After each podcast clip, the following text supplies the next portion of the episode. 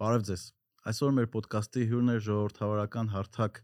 հիմնադրամի տնօրեն Գարեգին Միսկարյանը։ Նրա հետ զրուցել ենք հումանիտար մտքի բացակայության, ժողովրդավարության, պատմության, հայկական ինքնության եւ այլ հետաքրքիր թեմաների շուրջ։ Մեր ոդկասթի գլխավոր գործընկերն է Hexact ընկերությունը, ում կողմից այսօր եւս ունենք նվերգիրք Արտուր Կլարկի մանկության ավարտ գիրքը։ Նես որ գրեք ձեր կարծիքը, իսկ մենք գնացինք։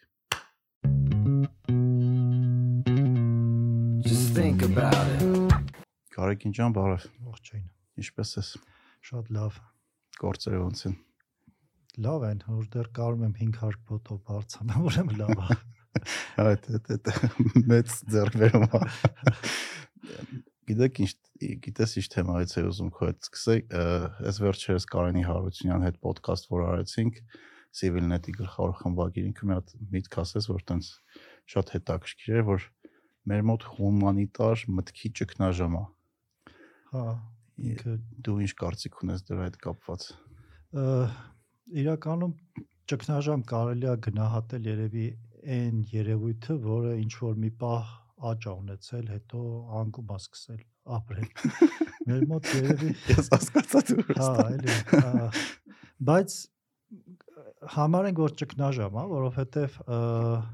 մենք ունեցել ենք հումանիտար միտք, ասենք Թիֆլիսում, Պոլսում,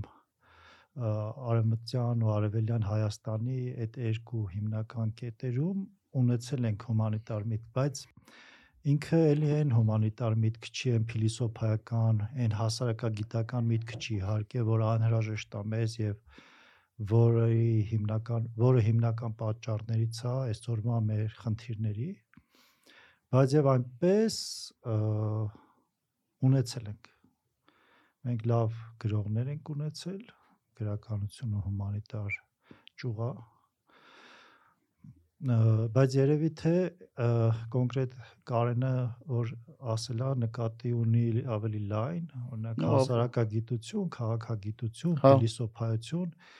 որը մեր մոտ չի եղել մի շարք օբյեկտիվ պատճառներով էլի։ Որոնք են պատճառները։ Ը, Դրանք դե պատմական են։ Հիմա մի քիչ եթե շատ հեռուն գնանք, եթե ժամանակ ունենք գնանք Լիքը ունենք։ իրականում այս վերջերս ես տենց մի քիչ շատ եմ ժամանակ տրամադրում ուսումնասիրելու պատմական փաստերին կախված մեր այս տարածքում կոնկրետ մեր էթնոսի հետ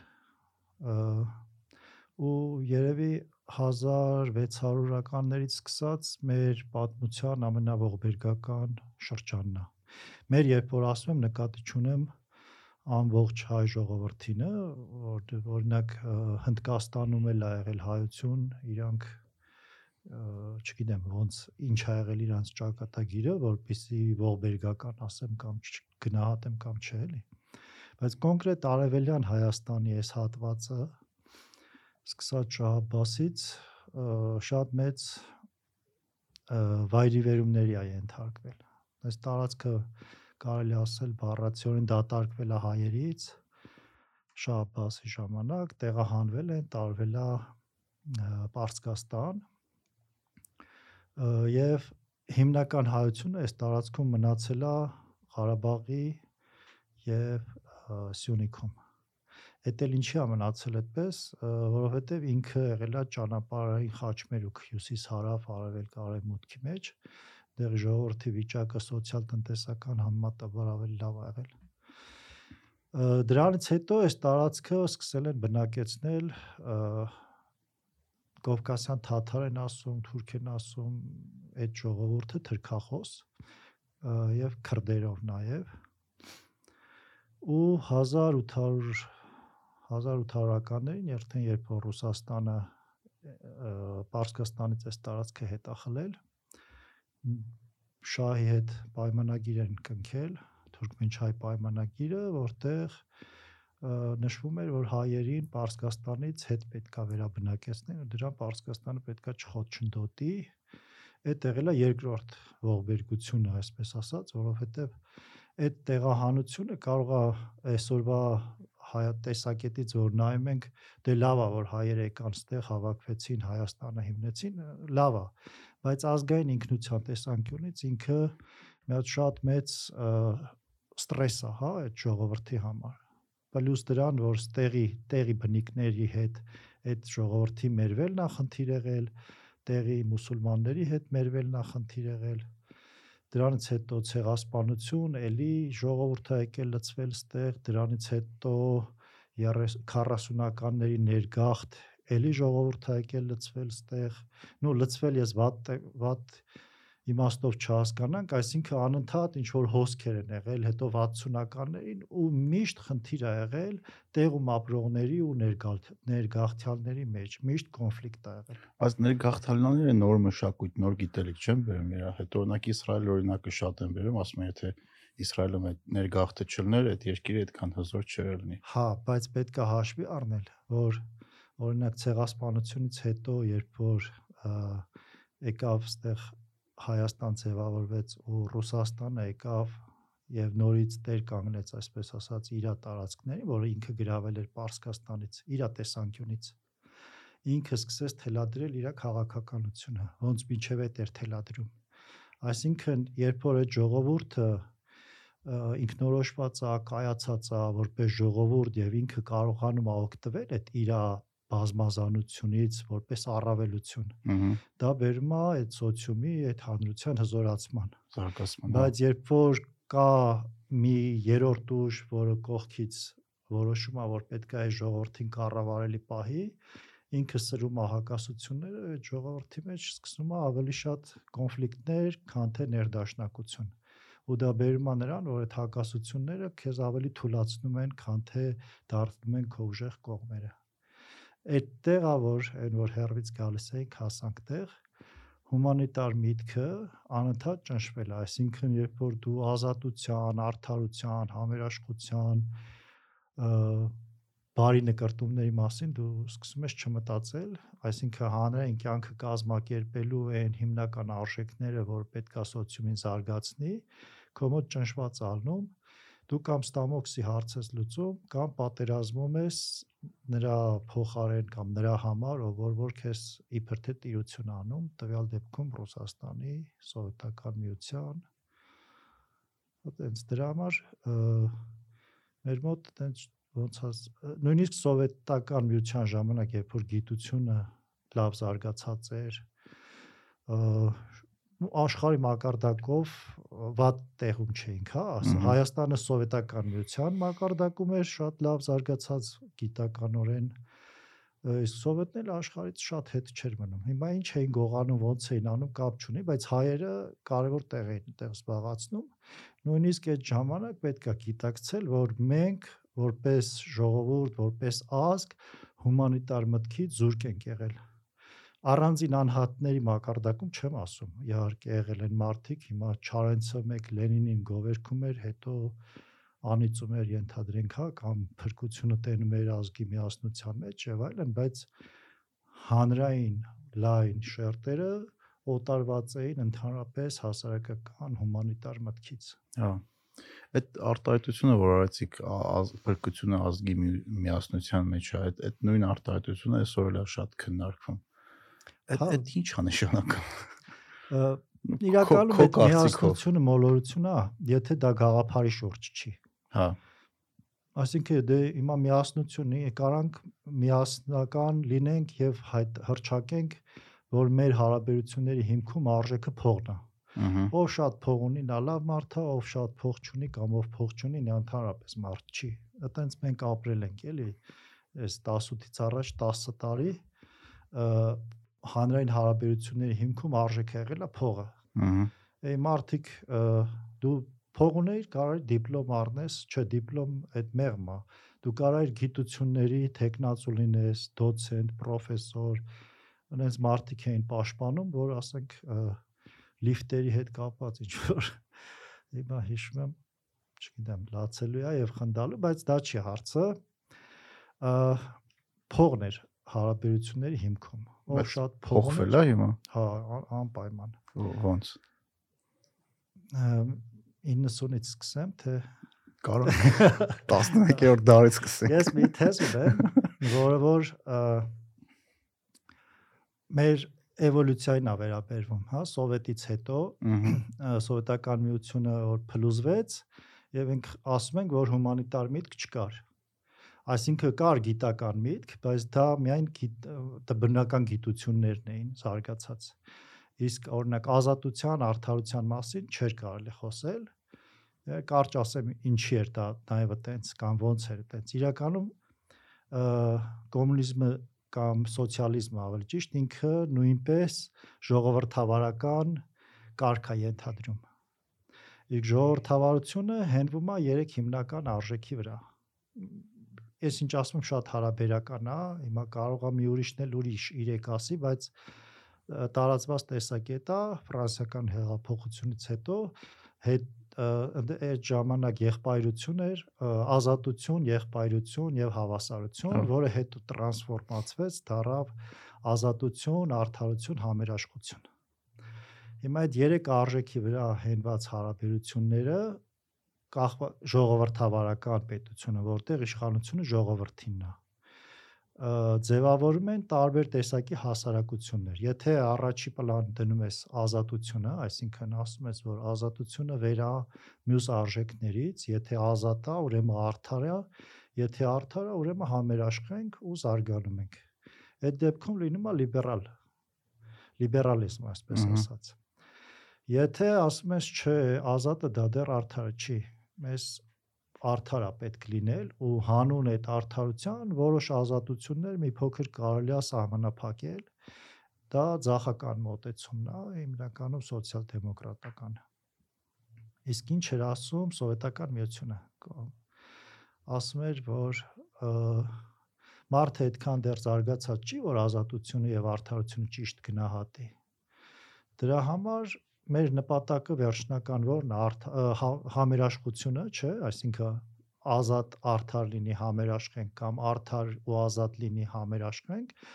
Դե քանի որ մարդը ազատությունն ու արդարությունը ճիշտ չի կարա գնահատի, դրանք շատ սուբյեկտիվ մոտեցումներ են, մոտ սուբյեկտիվ չափելի չեն ըստ էության։ Մեր նպատակը համերաշխությունն է, դրա համար մենք սվիններով համերաշխություն ենք հաստատելու։ Համերաշխությունը թե հավասարությունը դե հավասարություն, որը հետո համերաշխության փոխվեց, այսինքն համերաշխություն կամ հավասարություն։ Հա։ Ու այդ համերաշխության համար հանուն այդ համերաշխության ճնշվեցին ազատությունները մարդկանց եւ ստեղծվեց դա բերեց անարթարության ըստ էության բայց հարցն է որ ամբողջ կառավարման ընթացքում ազատության ու արդարության մասին չէր կարելի խոսել ասում էին ազատ չենք, ով համերաշխ չէր Սիբիր էին ուղարկում։ Հա։ Կապ չունի, դու իրանք չունես ազատության մասին մտածելու, որովհետև մեր նպատակը համերաշխությունն է, իսկ ազատության մասին մտածելը խանգարում է համերաշխ լինելուն։ Հիմա այդ միջավայրում մեծացել էր մի տվար մի մեծ նո ամբողջ սովետական միությունը մեծ հաշվով այդ թվում նաև հա ժողովուրդը, որը 80-ականների վերջին 89 թվականներին որոշ դրսևորումներ ազատության մասին Պերիստրոյկան չէ անկախության շարժումը հա դա ըստ էության որոշ դրվագներով ազատության մասին էր այդ շարժումը բայց հետո փոխվեց փոխեց իմ կարծիքով KGB-ի թեթև ձեռքով ռուսական հա սովետական հա ու այն կոնֆլիկտները, որը իրենք ստեղծել էին սովետական միության հանրապետությունների մեջ իրանց կառավարելի պահելու համար, այսինքն մեզ կառավարելի պահելու համար, այդ կոնֆլիկտները սովետական միության խարխլումի խարխլմանը զուգահեռ սկսեցին թեժացվել իրենց կողմից, որpիսի այդ պետություններին իրար հետ բախման տանեն ու կառավարելի պահեն ու մեր ազատության համար պայքարը վերափոխվեց, դարձավ սահուն, դարձավ պահանջատիրական պայքար։ Ադրբեջանի հետ կոնֆլիկտը, ես չեմ ասում մենք կարող ենք խուսափենք կամ չենք կարող խուսափենք, դրա մասին չխոսքը, բայց ուզում եմ ասեմ, որ մենք հումանիտար ազատության մասին պայքարի փոխարեն սկսեցինք պահանջատիրական պայքար մղել, ասել, որ այս ժողովուրդը իրավունք ունի ստեղ ապրի, այս հողերը մերն է, մենք մի ազգ ենք, եւ այլն։ այդ ժամանակ մենք քաղաքական հասունություն չունեինք, որովհետև հումանիտար միտքը ըստ էության 0 էր եւ կարելի ասել ցեղ էինք այդ որ ցեղ պիտի լինեինք, դա դեռ մեջդեհը, երբ որ ցեղակրոնություն էր քարոզում, իմ կարծիքով ինքը գնահատել էր այն իրավիճակը, որում կա հայ ժողովուրդը եւ իր գնահատմամբ մենք դեռ ցեղել չենք այսինքն խառնամբող էր տարբեր տեղերից լցրած որբեր, ջարդվից փախածներ, այնտեղ քո ունեզրկվածներ, հա, տենց ինչ որ մի խառ ժողովուրդ էր, որը մի լեզվով էր խոսում, բայց ցեղ չէր։ Ցեղի զգացողությունը չկար, այսինքն իրար պահելու, իրար օգնելու, իրար աջակցելու ու դրա պատճառով էր, որ նաև այդ ջարդի ժամանակ միլիոն ու կես հայերից ահագին մոտավորապես 100.000 մարդ, որ Հայաստան, Արևելյան Հայաստան փախած մարդկանցից մեծ շատ մեծ թվով մարդիկ սովամահ եղան իրենց չկարողացան ժամանակին տեղավորել գյուղերում, բնակարան տալ եւ այլն, մեկը մյուսին տիրություն չարեց, այդ մարդիկ սովից մահացան։ Այսինքն մենք ցեղել չէինք, բայց սովետը երբ որ փլվեց, մենք արդեն ցեղ էինք։ Արդեն մենք որպես սովետական միության տարածքում ապրող ժողովուրդ մեզ կարողացել էինք իրար հետ մի լեզվով խոսել հայերս։ Ու այդ ժամանակ քանի որ պատերազմ կար եւ ցեղը վտանգված էր, բնականաբար առաջ եկավ ցեղապետը իդեմս Վազգեն Սարգսյանի ասեց ցիս տվեք, թուրս տվեք, մի 500 հոգի էլ հետս եկեք, գնանք ցեղը փրկենք ու գնացին ցեղը փրկեցին։ Դե որ ցեղը կա, ցեղապետի հետ պետքա քրմապետ էլ լինի ու մենք ունեցանք նաև քրմապետը ունեինք Լևոն Տեր-Պետրոսյանը, որը իր աստվածային բարձունքներից ասում էր՝ «Սա ճիշտ է, սա սխալ է»։ Ասում էր՝ «Ես դրսի աստվածների հետ կշփվեմ, դուք ստեղ ձեր հարցերը լուծեք»։ Հետո մենք ունեցանք ստրկատիրական կարգեր, երբ որ պատերազմը վերջացավ, պարզվեց, որ դե ստրկատիրական կարգ ասելով այդ այն չէ, որ մենք բոլորը ստրուկ ենք, այլ այդ այն կարգն է, որտեղ կան ստրկության ենթարկված մարդիկ եւ այդ հասարակությունը հանդուրժում է այդ երևույթը։ Ստրկատիրական թե ավելի շատ ֆեոդալական։ Չէ, ստրկատիրական։ Երբ որ այդ գերիներից ստրուկներ էին պահում ու ոչ միայն գերիներից մարդիկ փողեր պարտ տալում էին ջրհորի մեջ էին գցում պահում էին բան այդ անուններ չեմ տալիս բայց այդ դեպքերը շատերին է հայտնի եւ հասարակությունը դա հանդուրժում էր նույնիսկ ասում էին, «Աբա գիտես, այս ինչ մարդը ստրուկ ունի, բան, ասենց իրար հետ ուրախանում էին»։ Դες բաներ է։ Հա, հա։ Այդ կարգերը հնարավոր է ջարդել մենակ ավտորիտար բռնապետությամբ։ Ու եկավ բռնապետը, ասեց տեղի միակ տղամարդը ես եմ տենց բառացի էլ ասեց այդ քոչյանի մասն է խոսքը եթե կարան կանոններ տան կանոններով ասեմ մարդկանց ավելի բարձր հա, այն մեկը մավելներ չնայած ինքը մենակ չէր էլի ստրուկներ ունեցողներ կային կոնկրետ մավելը ստրուկներ ուներ ու ինքը դրա մասին հայտարարել է ասել է որ չգիտեմ որ թվին բաց թողեցի գնաց բան տենց եկավ Քոչարյանը ասեց ստեղ ես եմ կարգ հաստատողը այսինքն եկավ ուժի իշխանությունը ու ով ուժի աղբյուրին մոտ էր, ինքը ուժեղ էր։ Ու ինչքան ուժի աղբյուրից հեռու էին, այդքան թույլ էին։ Ու այդ ուժը Հայաստանում իշխեց ու այսինքն ուժն էր ծնում իրավունք, հա, այդ եթե շատ կոպիտ ասենք, այդ փուլներ։ Եվ 2008 թվականին ժողովուրդը վեր կացավ ու ասեց, որ այս հարաբերություններով էլ չեմ ուզում ապրել մերժեց ուժը որպես հարաբերությունների հիմք, արժեք 2008 թվականին ու դա ժողովրդի վրա կյանքեր արժեցավ բայց կառավարող այսպես ասած էլիտան հասկացավ որ ուժով այլևս հնարավոր է դե հասկացավ չհասկացավ բայց անհնար էր ուժով կառավարելը ու տեղ եկավ կասած ֆեոդալական կարգերը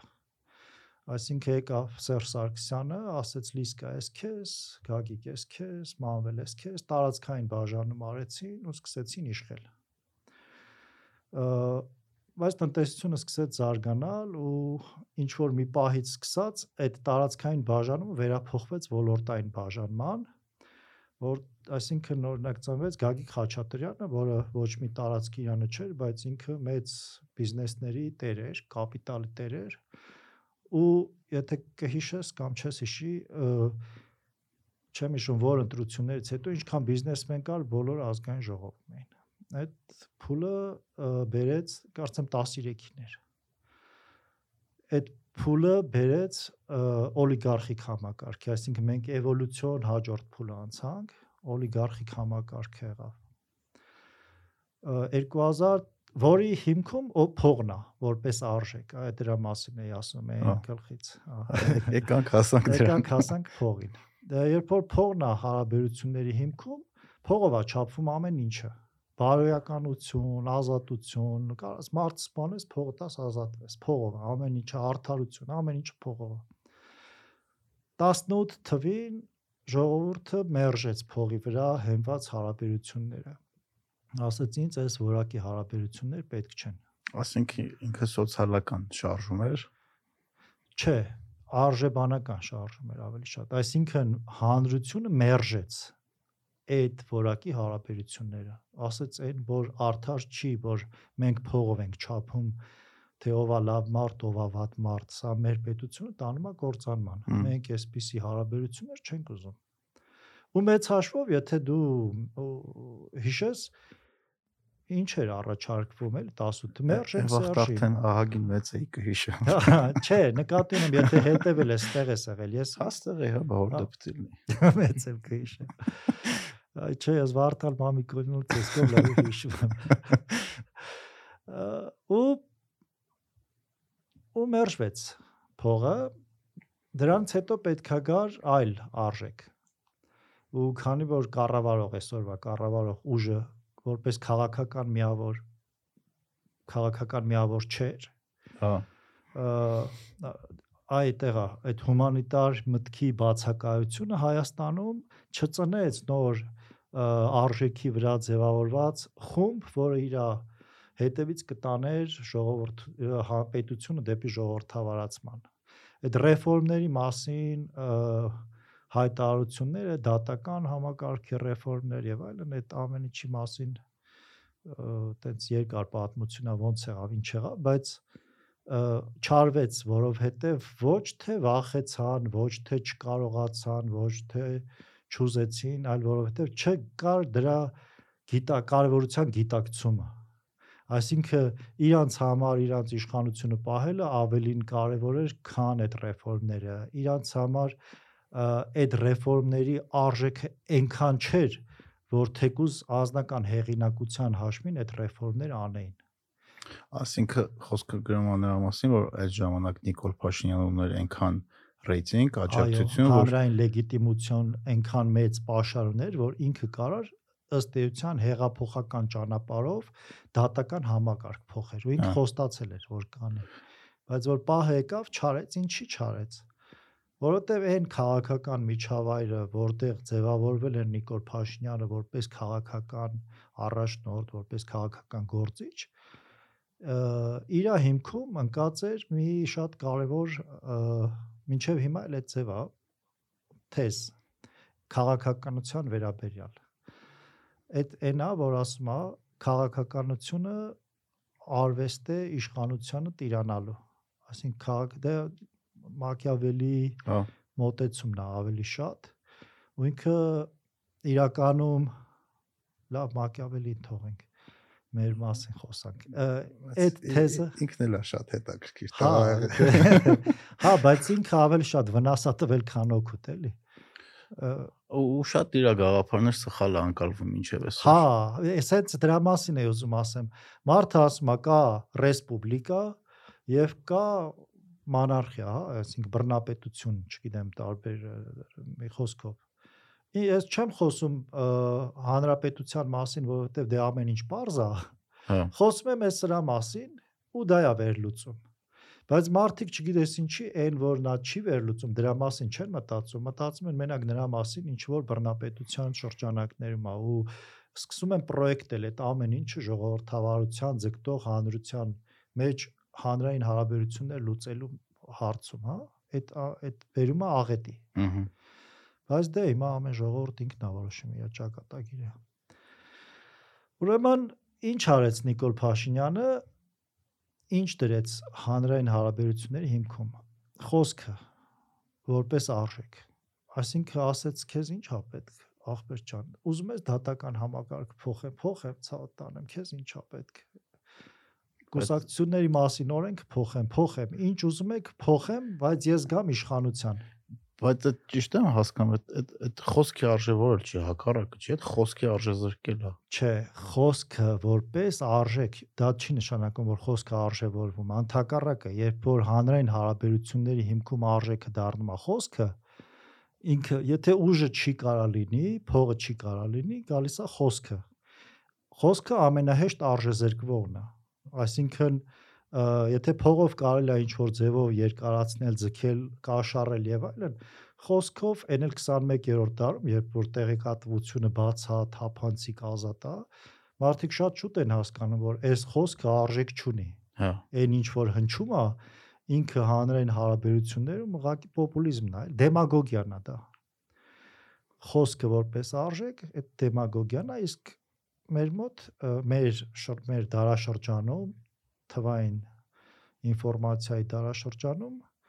խոսքը ամենաարագ արժեզրկվողն է։ Ու հիմա շատ մի կարևոր փուլում ենք ըստ իս։ Կամ մենք գալիս ենք հիմա այն ամենաառաջին նախադասությանը կամ մենք ուժ կգտնենք մեր մեջ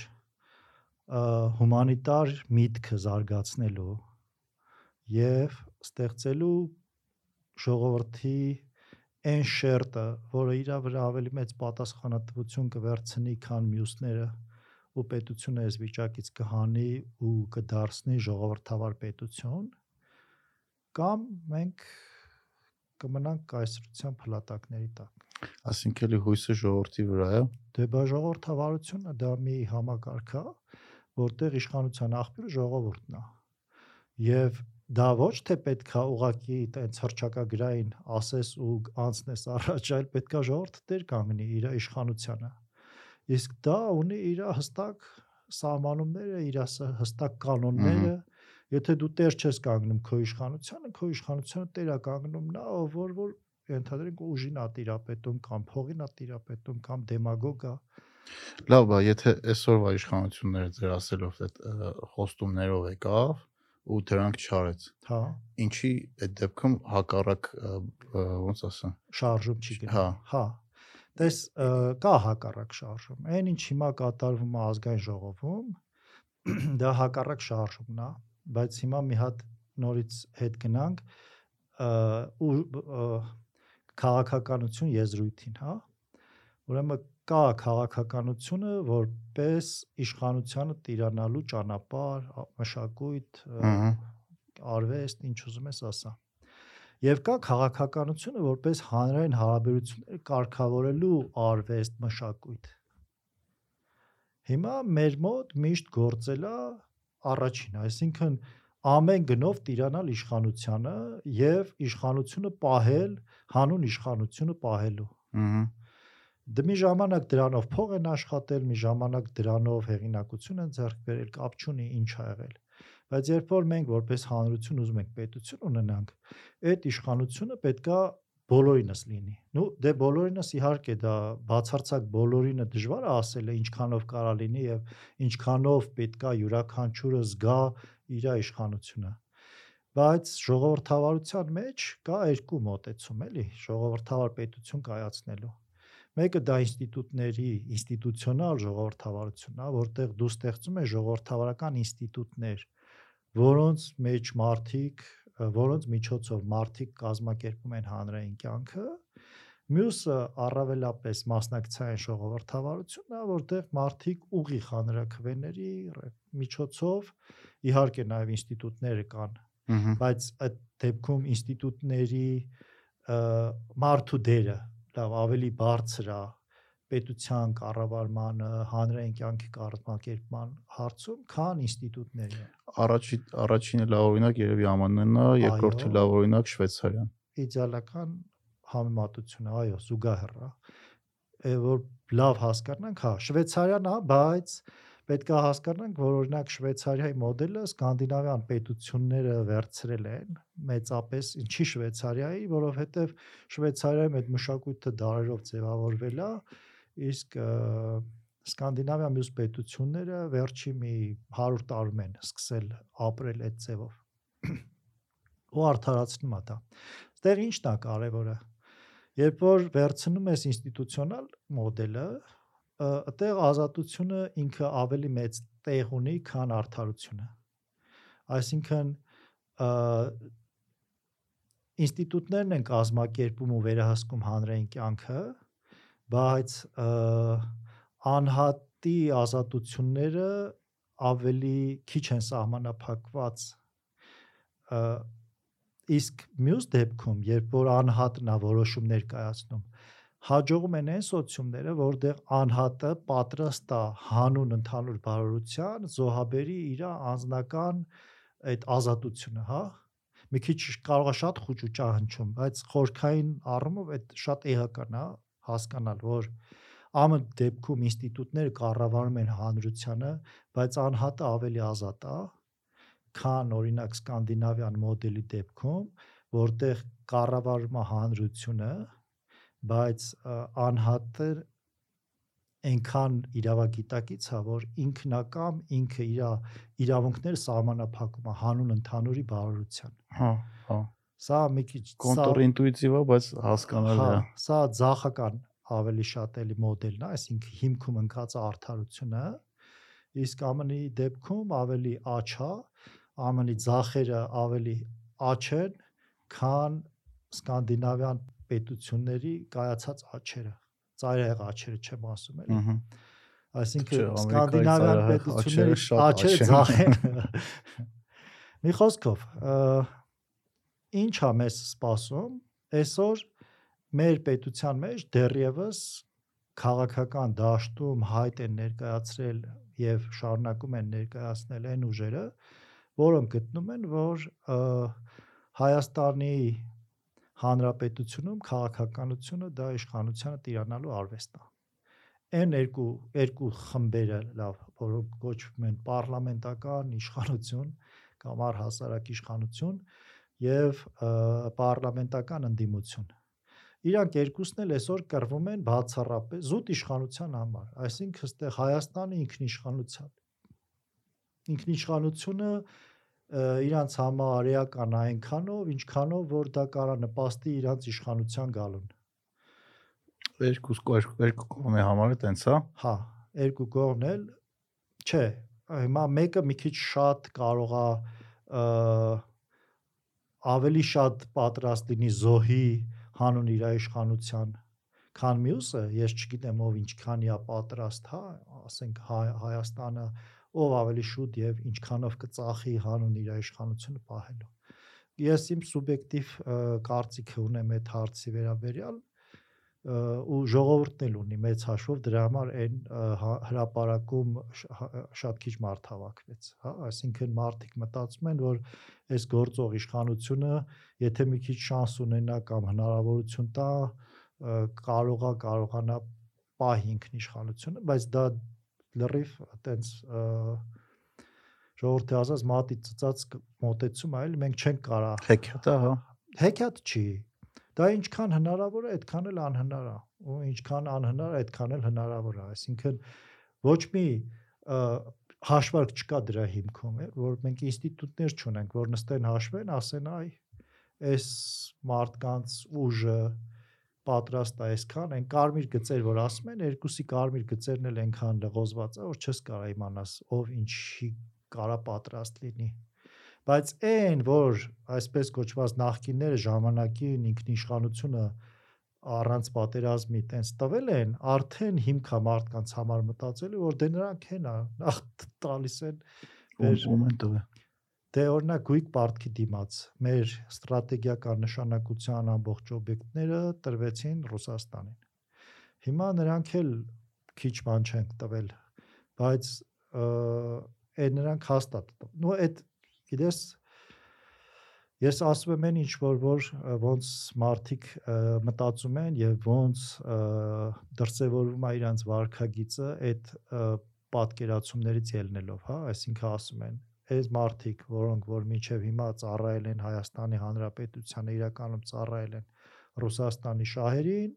այս մարդիկ, որոնք որ սրանց ուղարկել են տուն, կարող է իրանք էլ ծառայում են Ռուսաստանի շահերին, բայց նրանք հաստատ էին, նրանց որ սրանցից դեռ հույս կա որ կամ սրանց մի օր կարող է հանենք ուղարկենք տուն, բայց նրանք որեկան հաստատ հնարավոր չի լինելու, տենց ինչ որ մտավախություններ կա, ինչքանով է արդար, ինչքանով է անարդար, այդ թող ամեն մեկը իր համար մտածի։ Իմ ասած այնա, որ գործող երկու ուժերը իրանք միևնույն դաշտում իշխանության համար իրար հետ կռվող ուժեր են քաղաքական բանավեճ չկա։ Նրանք ասում են դուք դավաճան եք, նրանք ասում են դուք հողատու եք, նրանք ասում են դուք թալանչի եք, նրանք ասում են դուք կոռուպցիոներ եք, նրանք այսինքն ոնց անենք, ոնց բանակը սարքենք, կրթական համակարգը ոնց փոխենք, ինչն է պետք շտկել, ինչի հումանիտար ճգնաժամ կա, ինչա պետք անել, որ այդ հասարակագիտական առարկաների որակը բարձրանա, ոչ ֆորմալ կրթական համակարգ մարդիկ փողեր են դնում ինչ որ ասենք երթեր ցույցեր բան հասենց կազմակերպում են որը ըստ էության 0 արդյունք է տալիս նու 0 չէ լավ կարող է ինչ որտեղ օգնում է որպիսի քաղաքացիական հասարակությունը ավելի գիտակցական նոր աստիճան ձեռք բերի, այսինքն էվոլյուցիոն ինչ որ փուլ անցնում։ Բայց դա կողմնակի արժեք է, այսինքն այդ նպատակը իրանց արածի դա չէր էլի։ Այդ նպատակով չէին անում։ Դա անկախ ամեն ինչից տեղի ունենում, որովհետև հասարակական process-ներ, խմորումներ ա գնում։ Հիմա մեզ պետք է որպես հանրություն այդ երկու դաշտից, այդ երկու չէ, այդ այդ դաշտից դուրս, այդ երկու ուժերի հակառակ, իբր թե հակառակ, բայց միևնույն նպատակով ու նույն արժեքների շրջանակներում պայքարող ուժերից դուրս, որպես հանրություն ձևավորել այն հասարակական եւ քաղաքական ուժերը, որոնք իրական գաղափարական ու արժեքային կլինեն ու որոնք առաջ կտանեն պետությունը։ Բայց ոնց օրինակ ընդդիմությունը դրան ասում է այդ պատրանքա ու այն մարդիկ որ օրինակ իրանց չեն աջակցում կամ աջակցում են չեն աջակցում ոչ Նիկոլ Փաշինյանին ոչ իրանց Հա։ իրականում օգնում են իշխանությանը մնալը Դե ինչ բա նախ ասենք ես որ ասում եմ ընդդիմություն, ես անպայման ասում եմ պարլամենտ Պարլամենտական ընդդիմություն, հա։ հա, որտեղ ուժ ունենց կուսակցությունները կան կա։ բանից դուրս պարլամենտից դուրս այդ այդ էլ պետք է ասեն, բա մի ինչ որ մի կերպ պետքա գրավեն, չէ, մարդկանց իրանց կողմը, քանի որ Հայաստանում մարդկանց գրավելու, շահագրգռելու, գիտելիքներ տալու եւ մարդկանց հնարավորություն տալու ճիշտ ճանապարհ ընտրել այդ տարբերակը չկա, միշտ վախի ու պարտադրանքի հոգեբանական պարտադրանքի գործոնն ա եղել, այսինքն եթե դու էս չանես, էս կլինի ու դա ավելի վատ կլինի։ Եթե դու իմ հետ չես, ուրեմն դու դավաճան ես, եթե դու իմ հետ չես, ուրեմն դու հանցագործ ես։ իսկ կառավարությունը ինչ թեզա օգտագործում իր մոտ մարդկանց սպահելու ոչ մի։ Հիմա ինչա կատարվում։ ոչ մի Հա, չէ, ոչ մի թեզ քաղաք քաղաքագիտական տեսանկյունից, այսինքն գաղափարական արժեքային տեսանկյունից ոչ մի, բայց այդ պայքարը, որ հիմա գնում է, ես ինչ եմ ասում, եթե մենք ժողովրդավար պետություն չստեղծենք, ներուժ չգտնենք մեր մեջ ժողովրդավար պետություն ստեղծելու, ապա մենք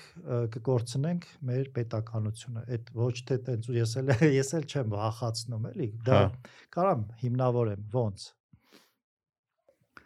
Ուրեմն էլի պետք է ուրեմն մի քիչ հեռվից գամ։ գնացինք 10-րդ դար Լավ։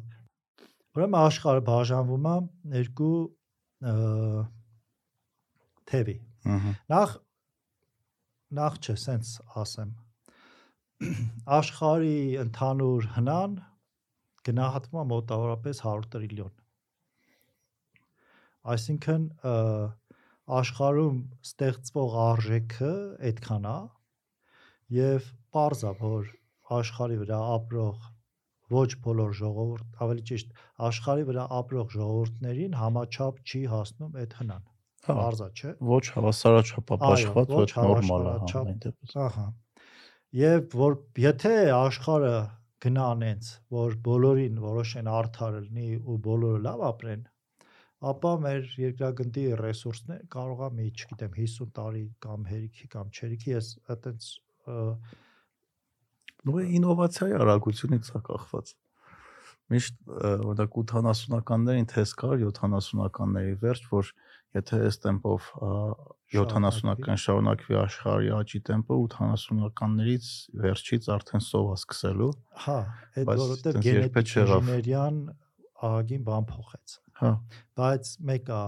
ռեսուրսները որպես հա, հանքահումքային ռեսուրսները բանը անսահմանափակ չեն։ Լավ, թող 100 տարի, թող 150 տարի հետո բայց շատ արագ է սպառվելու։ Ու պրակտիկորեն հնարավոր չի այդ արդար բաշխումը։ Որտեվ ինքը ո՞նց ես դու պատկերացնում, ասենք մեկը շատ աշխատում, մեկը քիչ աշխատում, մեկը Հա, է։ ինովացիաներ է օգտագործում, մեկը դեռ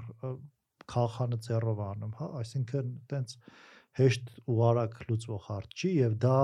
մեր սերնդի ու հաջորդ սերնդի լուծելու հարց չի։ Մի օր կարողա հասնենք դրան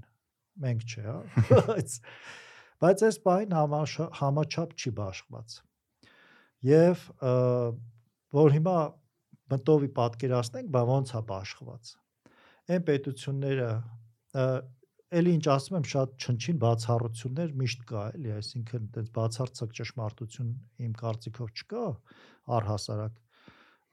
կան տարբեր ճշմարտություններ, որոնք երբեմն հատվում են, երբեմն զուգահեռ են գնում, բայց հիմա հիմնականում տնտեսապես բարեկեցիկ կյանքով են ապրում այն պետությունները, որոնք ունեն դեմոկրատական հասարակարգ։ Չասված երբ մի քանի նավթով հարուստ արաբական երկրներ։ Այ ապրես նավթով հարուստ, այսինքն այն պետություններն էլ, որոնք ավտորիտար համակարգ ունեն, միևնույնն է, իրանց մոտ իրանց օրինակ հիմա կարծեմ կա- Կաթարներ Ահա։ 200.000 բնակչություն ուներ, 1 միլիոնից ավել թե 2 միլիոն մարդ է աշխատում մոտները։ Իրանք իրանց բնակչությունը էլի անհատ Կաթարցին, հա, այսպես ասած, բնիկ Կաթարցին գնահատված է։ Կենտրոնի Հա, քաթար։ այսինքն այնտեղ էլ է մարդը գնահատված։ Ոնց է տարբերությունը ինչն է ժողովրդավար պետության եւ ոչ ժողովրդավար պետության։ Ժողովրդավար պետության հիմքում ընկած է որպես արժեք մարդը։ Այսինքն ասում է, որ մեր արժեք ստեղծողը մարդն է, դրա համար մարդը պետք է լինի ազատ, արդար միջավայրում, մենք որպես հանրություն լինենք համերաշխ, որ ստեղծենք ավելի մեծ բարիք, քան նավթն ու գազն է, որը հանում են, հա, ու մեր պետությունը լինի մրցունակ։ Իսկ այսինքն այդտեղ ասվում է, որ պետությունը մարդու համար է։ Հա։ Մյուս տեսակետը մարդն է պետության համար, դա ավտորիտար համակարգի առանցքում անկած։ Այսինքն այդտեղ ասում են, որ մարդը այսօր կա, վաղը չկա, մարդը չի կարող արժեքը լինի, արժեքը պետությունն է, չգիտեմ օրինակ, մեր կայսրությունն է արժեքը, որտեղ մենք կարանք ում ինչքան ուզենք զոհենք հանուն մեր կայսրության։ Կայսրությունը ավելի բարձր է, մեր պետությունը, հա, ավելի բարձր է, քան մարդը։ Այդ գաղափարախոսության կրող պետությունները քչից շատից մրցունակ են նրանք բացառապես ովքեր նավթ ու գազ ունեն ովքեր նավթ ու գազ չունեն իրանց ամբողջ ինքնիշխանությունը վաճառում են իրանց ավտորիտար համակարգը պահելու համար Օրինակ, որ երկրները։ օրինակ Միջին Ասիայի այն երկրները, որոնք ունեն նավթ ու գազ, իրանք բարեկեցիկ համեմատաբար, ասինքն այնտեղ մարդա բան միանձնյա հա- հակառակը որ չունեն ու ծախել են իրենց երկիրը ավտորիտար ուժը պահելու համար։ Մեր պետությունը օրինակ։ ժամանակին մենք մեր ինքնիշխանությունը տվել ենք, որովհետև մենք այդքան ռեսուրս չունենք, որ բանակ պահենք, ոստիկանություն պահենք, որովհետև նա այդպես ավտորիտար համակարգում, երբ որ դու ասում ես, որ պետությունը մարդուց բարձր է, դու ճնշում ես մարդկանց ազատությունները, որpիսի քո իշխանությունը պահես, չէ՞, ասենք ով որ որ այդ իշխանության գլխին է, ինքը հրճակում է որ պետությունը բարձրագույն արժեք է, ու որpիսի այդ ժողովրդին ճնշած պահի ինչ անում ինքը կրթական մակարդակը իջացնում հավասարացնում է շրիշակին հա պլինտուսին տենց են չի ասում Պլինտուսը։ որpիսի մարդիկ ազատության ու արդարության մասին չմտածեն ու այդ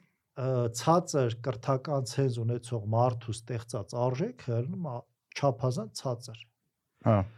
այդ բացը լրացնելու համար ինքը նավթն ու գազը ծախում է, որպիսի ոստիկանության ու բանակի փող ունենա։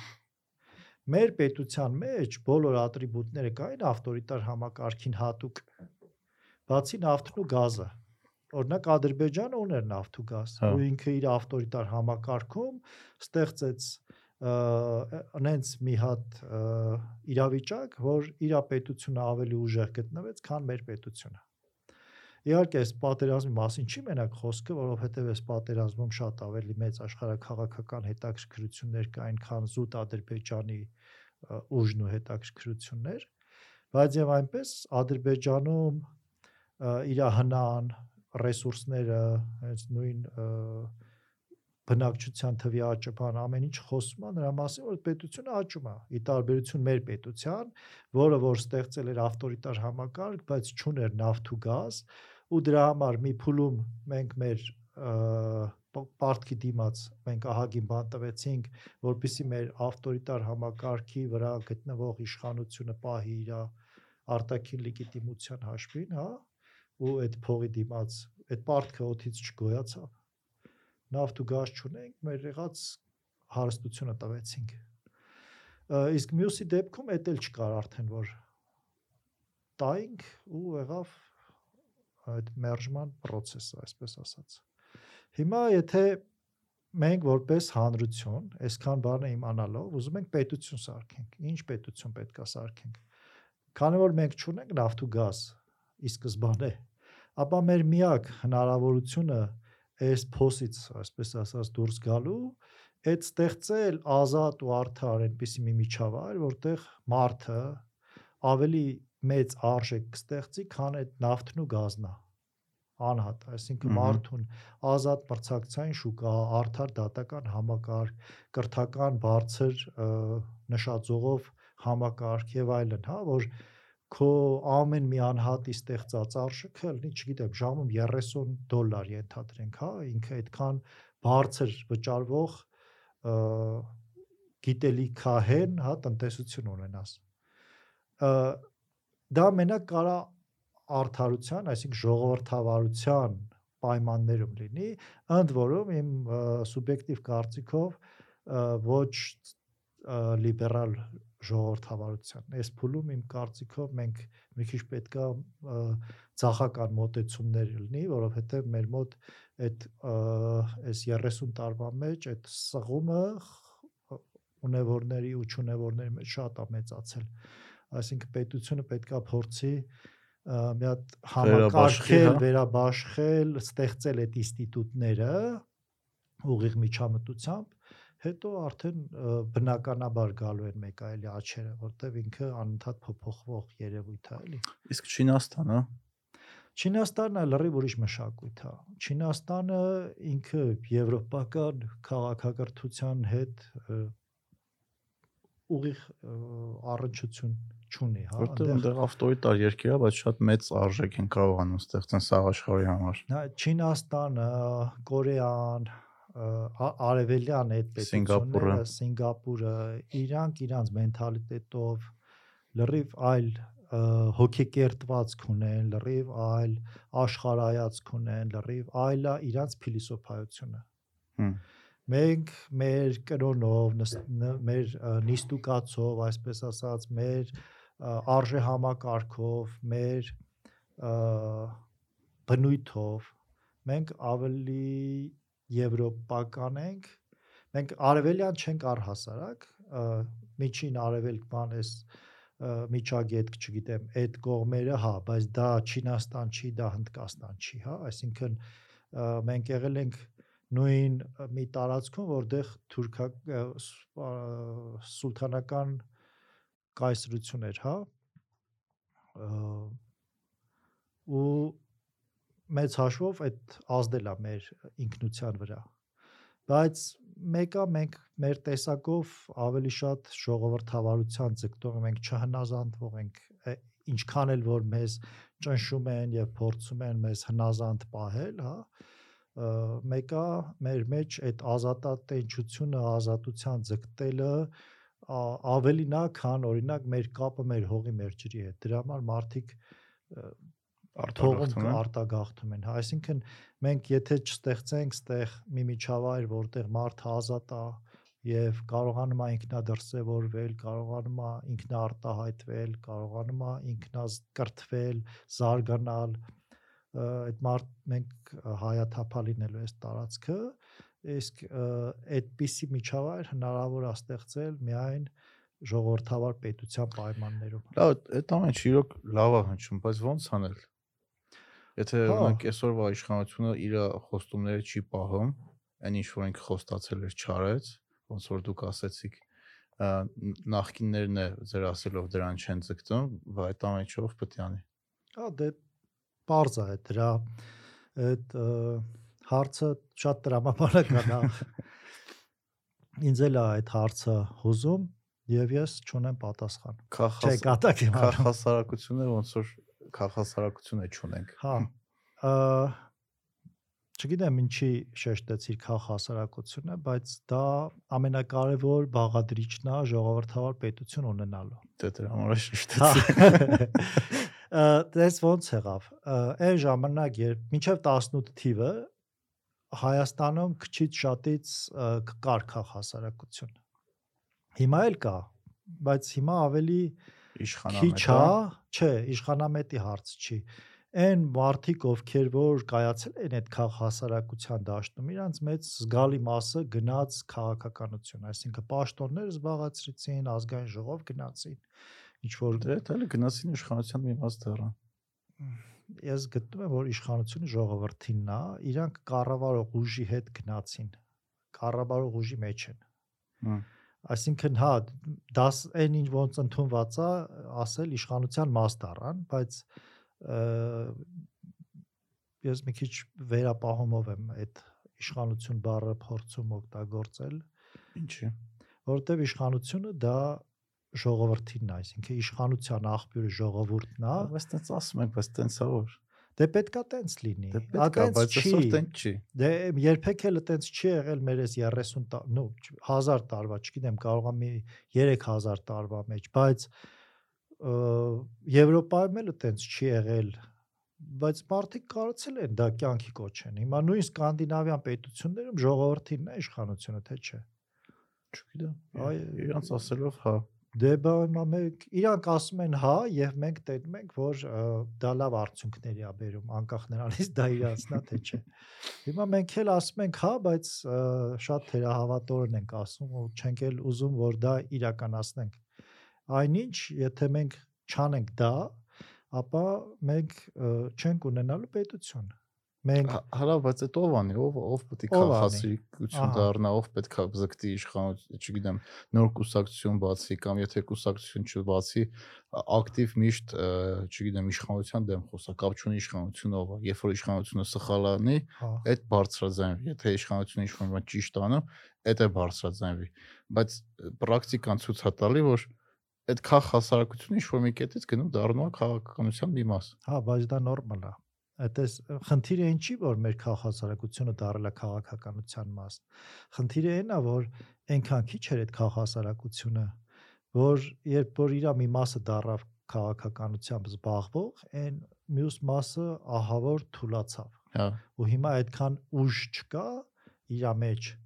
որ ինքը ոնց որ առաջ էր պարտադրում, հիմա էլ պարտադրի։ Դրա մեջ է խնդիրը։ Այսինքն ոնց էր ձևավորվել այդ քաղաքասարակությունը? Հիմնականում արևմուտքից եկող գրանտների շնորհիվ հա այդ գրանտներն էլ ինչի էին տալիս որովհետև եվրոպան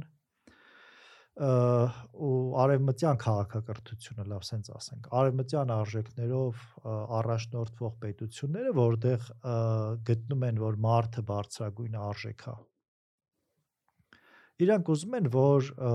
այդ իրանց արժեհամակարգը պահպանվի որովհետև երբ որ պետությունները ժողովրդավար են իրանք ավելի քիչ են գնում պատերազմի, հա, օրինակ Շվեյցարիան ինքը ամենաուժեղ բանակ ունեցող պետությունն է, բայց ինքը երբեք չի հարցակվել հարևանների վրա, այս երևի մի 500 տարի, եթե ոչ ավել։ Ինչի՞, որովհետև ժողովուրդն է որոշում որոշում կայացնողը ինքը ասում է ես իմ բարեկեցությունը ապահովում եմ, իմ անվտանգությունը ապահովում եմ, ինձ այսքան հերիք է։ Եվ հետեւաբար դա հասկանալով հիմա Եվրոպան էլ ինքը իր ներսում տենց առանձնապես չնչին բացառություններով պատերազմ չի անում, հա, ու ավտորիտար համակարգերին արևելքի դիմագրավելու համար իրանց բուֆեր է պետք։ Մենք այդ բուֆերն ենք։ Դե մենք ուզենք թե չուզենք այդ բուֆերը, այսինքն դու կամ լինում ես ժողովրդավար եւ համագործակցում ես այդ աշխարհի հետ ու փող շահավետ պայմաններով քո ինքնիշխանությունը պահում ես ու լինում ես բուֆեր, որովհետեւ աշխարհագրական քո դիրքը դա է թելադրում։ Դե ոնց որ հիմա մենք բուֆեր ենք, Ուկրաինան բուֆեր էր, Այո, ասիկ բայց Լատվիա, Լիտվա, Էստոնիան էլ են բուֆեր ու նրանք մնում են, որովհետեւ իրանք ինքնորոշված էին եւ իրանք կարողացան այս 30 տարվա մեջ ստեղծեն այնպիսի անվտանգային համակարգ, որը ի վիճակի է ավելի մեծ վնաս հասցնելու հակառակորդին, քան նրա ստացած օգուտը կլինի հարցակվելու դեպքում։ Հա։ Որտեվ ասես միտ sense բան մոտս է կոչկնեմ ինչքան է ճիշտ, բայց այդ ժողովրդավար բան անցման փուլը ինքը ցավոտ է։ Բոլորս է տեսել ենք պատմությունից։ Ցավոտ է, դե հեշտ չի, հա։ Հեշտ չի, ու այդ ընթացքում լիքը բաներ կարա թուլանա, լիքը բաներ կարա չաշխատի, լիքը բաներ Դե կարա գա քաոսի ու այդ ընթացքում այն ոչ դեմոկրատական ավտորիտար քո հարևանները դրանից օգտվում են։ Դե փաստն այն է, որ մենք երբ որ 18-ին մերժեցինք այդ կենտրոնացված կառավարումը եւ փորձում ենք ժողովրդավարական պետություն ստեղծենք ժողովրդավարական ինստիտուտներով մենք թուլացանք եւ մենք թուլացանք ասենք ես չեմ կապում պատերազմի հետևանքները այդ դրա հետ Ահա։ բայց բայց այն որ թուլացանք, այսինքն այն բանակը, որը որ մենք ունենք, իմ կարծիքով մեր բանակը ավելին էր ընդունակ, եթե ը, եթե օրինակ, չգիտեմ, այն դավաճանություն եւ այլն եւ այլն չլիներ։ Իսկ այդ դավաճանությունը բացահայտելը բա- դա ինստիտուտների գործն է, իսկ այդ ինստիտուտները սկսեցին չընթարկվել այն կառավարող համակարգին, որը եկավ եւ սկսեց խաղի կանոններ փոխել։ Այստեղ, չգիտեմ, կարողա վիճելի բան եմ ասում, բայց դա իմ կարծիքն է, հա։ Այսինքն հիմա նոր-նոր սկսում են տես ոնց էր որ միջև պատերազմ այդ դավաճանները չէին բացահայտվում, չկային։ Ու ոնց եղավ որ դավաճանների մասին խոսքը։ որ մի օր 5 հատ են բացահայտում, մի օր 3 հոգի, մի օր Այդ 20 որ հոգի։ 200 դոլարով Հա, քարտեզ հա, են ծախել։ քարտեզ, տվյալներ, մինչև հիմա կան այդ մարտիկ կան ու դրանք հարյուրներով են։ Այսինքն, բայց ինստիտուտը, որը որ հիմա սկսել է բացահայտել, միջև այդ չէր անում, ինչ չէր անում։ Ա չէր անում որ։ Դե որ դե դու լսել ես միջև Հա։ պատերազմ, հա մի հատ դեպք Դեպքեր կարող ա- եղել է, հա, հիշում Հա, եմ մի հատ երկու հատ։ Հիմա massայական ինչ որ, որովհետև հիմա իմ կարծիքով վերաիմաստավորել են այդ անվտանգության հարցը։ Այսինքն պետականությունը ունենալը պահելը իրանց համար հիմա ավելի կարևոր է, քան օրինակ այն իրանց ոչ իրանց քիմքին ոչ հաճելի իշխանությունը, որը ինչ որ ժողովրդավարություն է ուզում, ը, ուժային Նայ, ուժային կառույցը Հայաստանի Հանրապետությունում ինքը սովետական միությունից ժառանգած ուժային կառույցներն են։ Ածի մասին է խոսքը բանակի ոստիկանությունը, ոստիկանությունը, ԱԱՑ-ն, բոլորը իրանք այն մեծապետական նկարտումներով, պատկերացումներով, ընկալումներով, որ մենք մեծ կայսրության մաս ենք, ասենք մենք, չգիտեմ, ինչ որ ոստիկանությունն է, թե որն է, չէ, 100 տարին է տոնում։ Հա, Հա, այսինքն, ահա, իրանք ընկալում են իրանց որպես ինստիտուտ սովետական միության այդ ինստիտուտի սովետական Հայաստանում քաղաքականությունը թելադրվել է Կրեմլից բոլոր ուժային կառույցները կառավարվել են Կրեմլից, այսինքն իրանք չէին կարող լինեն այլ քաղաքականության, այլ արժե համակարգի կրող, քան դա պարտադրվում էր Կրեմլից։ Եվ նրանք ի տարբերություն ժողովրդի շարունակել են մնալ հավատարիմ իրանց հավատամքին Ահա։ ու այդ նույն ձևով շարունակել են գործել։ Կարող է օրինակ հիմա չգիտեմ Վանո Սիրադեղյանը երբ որ ներքին գործերի նախարար էր, ինքը լիքը փոփոխություններ արեց, այնտեղ ոստիկանության մեջ գրողներ բան բերեց։ Բայց դա համակարգը որպես ինստիտուտ չէր կարա փոխեր։ Այսինքն մի քանի գրող ոստիկանով հարց չէր լուծվելու էլի։ Ու շարունակությունը նույն ձևով գնացել է ու երբ որ դու այդ ավտորիտար կառավարման ձևին մոտ ավելի հոգեհարազատ իրան այդ կառավարման ձևը այդ ինստիտուտին գալիս ես ասում ես վաղվանից մենք ժողովրդավարություն ենք խաղացնում իսկ իրանք ժողովրդավարությունը դա սորոսականություն է դա LGBT է դա եսիմի այսինքն ամեն ինչ որ վատ բան կա այդ է ժողովրդավարությունը Բայց իրանց տենց է որ։ մեծամասամբ տենց է։ դու ես չգիտեմ, օրինակ հիմա ոնց է, բայց կոնկրետ Վլադիմիր Գասպարյանի ոստիկանությունը ինքը պատրիարխալ մտածելակերպով այն հիմա էլ է տենց։ Հիմա, այսինքն, որ դու հետները խոսաս, կասեն, որ տենց չի կասեն, որ կինը եւ տղամարդը հավասար են, որ մենք արժեքներով եվրոպական ենք, որ մենք ժողովրդավարության, ասելը դա մի բան է, բայց դրա կրողը լինել լրիվ ուրիշ բան է։ Այդ մարդիկ կրողը չեն։ Դա նորմալ է, որ կրողը չեն։ Ես դրա ոչ թե մեղադրում եմ իրանց, այլ ուզում եմ ասեմ, որ իրանք իրանց մտածելակերպով, իրանց արժի համակարգով եղել են այն նախկինի պաշտպանը խորթ է եղել իրանց այս համակարգը, որը իբր թե Նիկոլ Փաշինյանը պետքա բերեր, բայց որը չբերեց։ չբերեց։ Եվ դա նաև պատճառ է եղել իմ կարծիքով իրանց թերի աշխատանքի, թերացման, Ում թերի աշխատանք։ ուժային կառույցների։ Հա։ Ու հիմա իրանք փորձում են այդ բացը լրացնել իմ կարծիքով։ Կարողա պետք չէր ես այսքան երկար իմ կարծիքի մասին խոսեի, բայց Չէ, հետաքրքիր է կարծիքները լսել։ Հա, այսինքն այդտեղ այդ ինստիտուտների կայացման հարցում հիմա մտածելակերպի փոփոխություն ա եղել էլի իմ իմ կարծիքով Հա։ բայց մեկը դա տենց գլոբալ ինքը ռեֆորմ չի ինքը զուտ աշխարհայացքի փոփոխություն է որը հիմա գանք արդեն թե ոնց ենք անելու որ Բայց փոփոխությունն է որ աշխարհայացքի։ Թե լրիվ նույն համակարգը շարունակվում համակարգը նույնն է անհատների մակարդակում այդ որ բացահայտում են Դե եթե համակարգը նույնն անհատների մակարդակով այդ մարտիկ ունակ չեն ոչ մի փոփոխություն անելու, դու չի գարի որ համակարգը մնաց նույն համակարգը։ հա բայց Ու սկսելու է էլի իրան վերարտադրել։ հա, հիմա գործող ուժերը, օրինակ Նիկոլ Փաշինյանի կառավարությունը, որը հետ են գնա, հետ գնանք մի պահ այն մեր խոսակցությանը, որտեղ Նիկոլ Փաշինյանի կառավարությունը եւ պարլամենտական ընդդիմությունը նույն դաշտում իրար հետ կռվում են։ Հա։ Ինչի է այդ կռիվը գնում, որովհետև շատ կարևոր է սա, երբ որ դու հանրային հարաբերությունների հիմքում չես դնում ազատությունը եւ արդարությունը որպես արժեք, դու պետքա կամ ուժը դնես կամ փողը։ Մենք արդեն ասացինք, որ Հայաստանում ուժը մի անգամ մերժվել է, ուժը դնել դժվար կլինի, փողն էլ է մերժվել իհարկե, բայց փողը միակ ամենահեշտ ու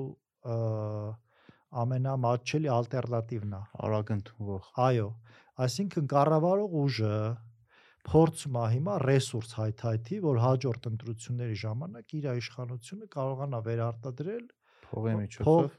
չասեմ փողի միջոցով, բայց հենվելով փողի վրա։ Հա։ Այսինքն ընտրակաշարք չեն տա, բայց օրինակ, չգիտեմ, ամենաշատ բաներները կտպեն, օրինակ հա, այսինքն էլի արդար չի լինելու հա, ընտրությունները։ տենց մոտորապես։ Հա, այսինքն ուղիղ կաշառք կարողա չլինի, բայց այդ փողը շատ մեծ դեր է խաղալու։ Բայց այդ փողը պետքա միտեղից լինի, չէ՞։ Մենք նավթ ու գազ չունենք, ասացինք։ Այսինքն իրանք հիմա ստեղծում են իրանց օլիգարխիկ համակարգը։ Ու Խաչատուր Սուքիասյանը էլի մի քանի Ալեն Սիմոնյանի աղբերը, որը որ սկսել է մեծ տենդերներ շահել պատահականորեն Այս վերջերս հետքնուսի Հա։ նետն են գրել դրա Դե դա մասին։ գաղտնիք չի։ Իրանք էլ չեն թաքցնում, իրանք ասում են այտենց ճիշտ է։ Բայց էլի ընդունվում է էլի ոնց որ մարդկանց կողմից։ Դե որովհետև ինչ անեն մարդիկ։ Այսինքն այն քաղաքասարակությունը, որ պետքա գնար Ալեն Սիմոնյան դուրը ջարդեր փոխաբերական իմաստով, ասել որ կամ դատախազությունը կամ հակակոռուպցիոն մարմինը, չգիտեմ, չկա ուժ չկա այդքան որ գնան ու ասեն որ այս մարդը չի պե- պետքա չզբաղվի բիզնեսով Հա։ բայց մեկա դե մե- մենք մշակութային էլ տենց մեծ փոփոխություն չենք կրել դեռևս հա մենք մերժել ենք բայց նորի գաղափարը դրված չի դեռ այսինքն մենք Երբ որ- իսկ կներես էլի ընդհատեմ իսկ ոնց ես վերաբերվում այն հարցին որ մենք ոչ թե փողն ենք մերժել այլ մերժել ենք փողի փող ունեցողներին այն մտքով որ մենք ենք դառնալու այդ փողի տերը չէ մենք մերժել ենք փողի վրա հենվող հարաբերությունները դու բայց- IT-ին, որը որ շատ մեծ աջակցություն ցուցաբերեց 18 թվականի իրադարձություններին ինքը տենց առանձնապես այդ փողի հետևից ուրիշի փողի հետևից լավ սենց ասեմ գնացող չի այսինքն ինքնաբավ էր այն մարդիկ ովքեր որ ը, կորցնելու բան չունեն իրանք են պայքարի գնում կորցնելու չէ սենց ասեմ ավելի ճիշտ այն մարդիկ ովքեր վեր կարողանում են վերա իմաստավորեն վերա գնահատեն իրանց կյանքը էլի հա ժամանակ ունեն մտածելու ասում են ախպեր այն ասինքն ինչ որ չափով ապահովված հա էլի հա որովհետև այնով ապահոված չի ինքը իր հացի խնդիրն է լուծում ինքը ժամանակ չունի ոչ բողոքի ակցիա անելու ոչ ցույց անելու ոչ մտածելու դրա մասին ինքը ընդհակառակը այս մի օր չաշխատի կարող է սոված մնա հա բայց նրանք ովքեր որ որոշակի ապահովվածություն ունեին, իրանք մասնակցեցին։ Այսինքն իրանք չմասնակցեցին իշխանությունը վերցնելու, ես շատ շատերին գիտեմ, որոնց առաջարկ է արվել կառավարող ուժի հետ մաս կազմել, հա, կառավարության ինչ տարբեր ձևերով մարդիկ հրաժարվել են տարբեր պատճառներով են հրաժարվել, այդ IT-ից նկատի ունեմ կոնկրետ։ Այդ այդ խոսում է նրա մասին, որ այդ համայնքը դրա համար չէր անում, այլ արդար միջավայր ստեղծելու, նորմալ պետություն ունենալու սոցիալական համար։ անարթարության դեմ էին հա պայքարում Ոչ միայն սոցիալական, առհասարակ բոլոր տեսակի անարթարությունների։ Այսինքն երբ որ դու փողով կարաս, նո մարդ սպանես ու փողով ազատվես, դա անարթար է արդար, երբ որ քո դատական համակարգը տարիներով գործ է քննում, դա նորմալ չի։ Ու երբ որ մի խոսքով, երբ որ օլիգարխիա կա, դա նորմալ չի։ հա ախր բայց հարցը գիտեք որն է նա այդ ամեն ինչը որ դու քննարկեցիր չէ հիմա բարձրաձայնեցիր ես մարդ որը կողքից նայում հա սովորական քաղաքացիների նման այդ նույն պահելաձևը ես այսօր տեսնում եմ Ինչ նույն պահելացի։ գոտ որ քննարկեցիր օլիգարխիա Հա, Դե բայց չէ։ այսինքն այդ բա այդ եմ ասում, այսինքն մարդիկ մերժել են, բայց համակարգը մնացել է բայց համակարգը, արժեքները մնացել են։ Ինչի՞, որովհետև հիմքում չի դրվել նոր արժեք։ Դեմագոգիան ինքը այնն է, որ սկսում է արժեզրկվել ու այդ կառավարող ուժը, որը որ լծակներ ունի եւ որը որ պետքա նոր արժեքներ դնի հիմքում, ինքը գտել է, որ այդ նոր արժեքը նորից փողն է լինելու։ Եվ ինքը հիմա իր օլիգարխիան է սարքում։ Լավ, այդ ոնց որ ահագին երկար այդ ամեն ինչի մասին խոսացինք, ինձ թվում է հասկացանք հա, քիչ թե շատով ոնց ենք դուրս գալ այս իրավիճակից։ Ահա։ Հիմա Ոնց մենք որ այդ հարցը սկսեցինք քննարկենք, բայց էլի գնացինք Հիմա խնդիրներին։ մենք որպես հանրություն պետք է հասկանանք, որ ֆորմալ, այսինքն տեղի ունեցող քաղաքական գործընթացները, որոնք կա, մենք դրա վրա ուղիղ ազդեցություն չունենք։ Ես ու դու ունենք, չունենք։ Մենք կարանք խոսանք դրա մասին, գնանք տուն, բայց դա ինչ արդյունք կտա, չգիտենք։ Ա Այսինքն մարդ այնտեղ փողոցներ են փակում եւ այլն, հա, այդ ամեն ինչը դեռևս արդյունք չի տալիս։ Ինչա պետք անել։ Իմ կարծիքով պետք է առաջի հերթին հասկանալ, որ ֆորմալ քաղաքականությունը ոչ մի կերպ մեր այն պետության հետ, որը մենք ուզում ենք կառուցենք, կապ չունի։ Մեր պետության հիմքում պետքա լինի քաղաքականությունը որպես հանրային հարաբերություններ կազմակերպելու արվեստ, այլ ոչ թե որպես իշխանությունը տիրանալու արվեստ։ Դա է հասկացա։ Դրա համար այդ արժեքով հասարակության շերտա պետք ձևավորել։ Ոչ մի պետության մեջ ամբողջ հասարակ նույնիսկ Շվե- Շվեյցարիայում, որտեղ ամեն- ամենամեծ մասնակցությունն է, մեկը ամբողջ հասարակությունը 100%-ով չի մասնակցում պետության կառավարմանը, հա։ Խոսքը գնում է ինչ որ էլիտա ստեղծելու մասին։ Շերտ, հա, թող էլիտա լինի դա, թող շերտ լինի, թող կաստա լինի, ինչ ուզում ես ասա, բայց մի մի իմ գնահատմամբ դա մի տոկոս է։ Մի տոկոսը քիչ չի։ Սկզբի համար չէ։ Այսինքն դա այն մարդիկ է 20000 մարդ, օրինակ, հա, կամ մի տոկոս կամ 25000 մարդ, որը ունի հստակ կոնկրետ հարցերի պատասխանները։ Ինչ պետություն է ինքը ուզում ունենա։ Ինչա ընդհանրապես այդ ժողովրդավարությունը, հա, այսինքն ինքը ուզում է ունենա ժողովրդավար պետություն, թե ոչ։ Եթե ուզում է ինչա ենթադրում այդ ժողովրդավարությունը, ինչա արդարությունը, ինչա ազատությունը, ինչա ինքնիշխանությունը, ինչա քաղաքականությունը, ինչա մարդը, ով է մարդը, ով է քաղաքացին, ինչա քաղաքացին, չգիտեմ։ Մի 10 հարց է, որոնց պատասխաններ ինքը իր համար պետքա ունենա։ Բայց այդ 20000-ի մեջ կարող օրինակ 40 հատ տարբեր կարծիք եղնի այդ հարցի շուրջ։ կապ չունի 40 հատ չի կարա կարա լինի 2 3 5 ենթադրենք ըստ այդ հարցերի պատասխանների մարդը ինքնորոշվում է այսինքն ինքը որոշում է որ իր համար օրինակ ազատությունն ավելի բարձր արժեք է քան Ու արդարությունը դա իր համար դոգմա է դառնում։ հա իր համար հավատամք է դառնում այսինքն ինքը հասկանում է որ առանց ազատության համար ամեն օր պայքարելու ինքը իր երազած պետությունը չի ունենալու բայց ամեն օրն էլ չի նշանակում առավոտից իրիկունին 24 ժամ ենթադրենք մենակ դրա մասին է խոսալու պայքարի հա ինքը որ 10 րոպե ժամանակ է տրամադրելու դրան հա կամ կես ժամ չգիտեմ Այն մյուս գաղափարի կրողը օրինակ ցախականն այլ մտածելու է, որ իր համար առաջնայինը արդարությունն է, ոնց որ օրինակ ես։ Ու ինքը պայքարելու է այդ արդարության համար։ Դու ավելի ցախակողմյան ես։ Հա, ես տենց իմ գաղափարներով սոցիալ-դեմոկրատ եմ։ Ու այդ հասարակության մեջից, այդ 20000-ի մեջից իմ կարծիքով մոտ մի 10%-ը, այսինքն մի 4000, չգիտեմ 6000 մարդ ավելի մեծ պատրաստ է լինելու ավելի մեծ պատասխանատվություն վերցնի իր վրա, քան մնացածը։ Ինչ պատասխանատվության մասին է Ահա, խոսքը։ ը, Օրինակ դու այդ պատասխանատվությունը վերցնում ես կամ ես այդ պատասխանատվությունը վերցնում եմ։ հա, հիմա Հա, հիմա։ Հիմա չէ։ Հիմա չէ, այսինքն պատասխանատվությունը դա ինչ է իշխանությունը։ Իշխանությունը որոշումներ կայացնելու իրավունքն է։ Ով ունի որոշումներ կայացնելու իրավունք, իշխանությունը նրանն է։ Այդ դասական մոտեցումն է։ Հիմա երբ որ ասում ենք իշխանությունը ժողովրդինն է, այդ նշանակում է, որ որոշումներ կայացնելու իրավունքը պատկանում է ժողովրդին, այսինքն մենք վերադարձնում ենք ժողովրդին։ Ժողովուրդը ինձ ու քեզ ովքեր որ վստահ են, որ ժողովրդինն է իշխանությունը եւ դա է միակ տարբերակը Հայաստան այս վիճակից հանելու,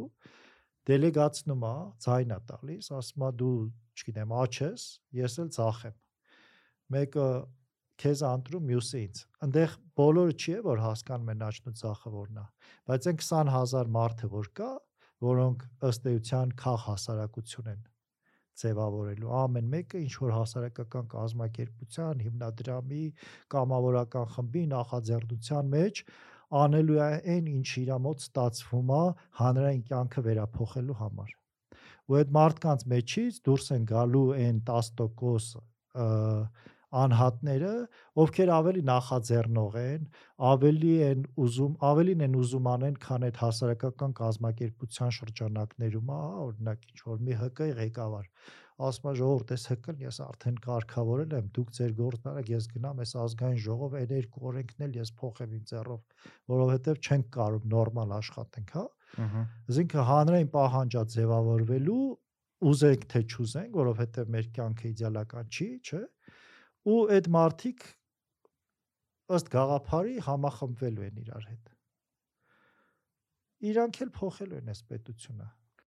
մեր հետ։ բայց այդ այդ process-ները որ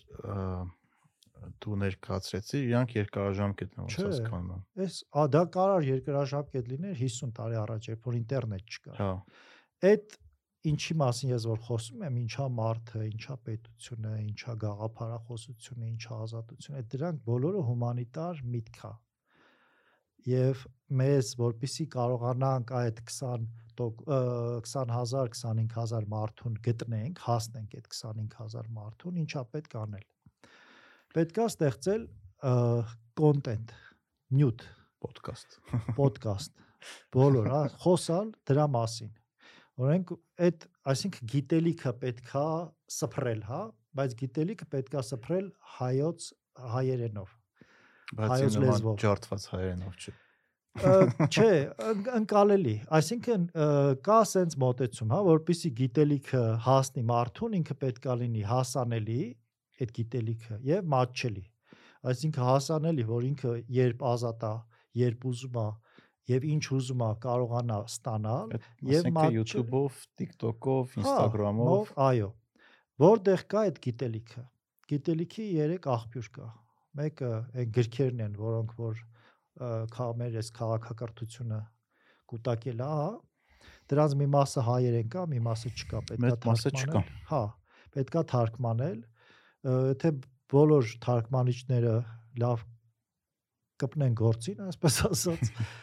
ինձ թվում է մի տարում կարելի է այն ինչ անհրաժեշտ է եւ չկա դրանք էլ թարգմանել։ Այդ կա այդ գրքերը թվայնացնել։ Դա աուդիո գրքեր կանելն առանձին փոքր հաղորդումներ, այդ գրքերի վերաբերյալ քննարկումներ, այսինքն թանկ է այդ ամեն ինչը։ Դե բա պետք է իր աջակից դա դնի բա չէ լավ ապրելը թանկ է, բա պետք է եթե մենք ուզում ենք լավ ապրենք, մենք պետքա փող դնենք դրա մեջ։ լավ լորեցու նավանաս։ Կա լավ ապրել է թանկ է։ Դե իրականում պետություն ունենալը տենց էժան հաճույք չի։ Եվ բայց օրինակ re-range-ի օրինակը բերեմ։ Ես իմ ընկերները այն մարդիկ, որ մեզ աջակցել են, նաև մեր լսողները, որոնք Patreon-ով գումար են տալ, տարիներ շարունակ այս պրոյեկտի վրա փող ենք ծախսել։ Տարիներ շարունակ։ Ու եթե ես չունենայի հիմնական աշխատանք, ես չէի կարող սրանով զբաղվել։ Որտեվ սա իմ համար հիմնական աշխատանք չի։ Ես սրանից փող չեմ աշխատում։ Ու ոնց ես նայում եմ, տես պրոյեկտները շատ չեն ու չեն է կարա շատ լինեն, որովհետև ամեն մեկը չի պատրաստ ու ամեն մեկը չի չգիտեմ, իմ նման ընկերներ ունի, ցավոք սրտի, որ պատրաստ են տարիներ շարունակ աջակցեն։ պետությունը իրեք կարևոր բաղադրիչ ունի։ Ասածը սա որ թանկ է ինչը։ պետությունը ունի 3 հիմնական գործառույթ։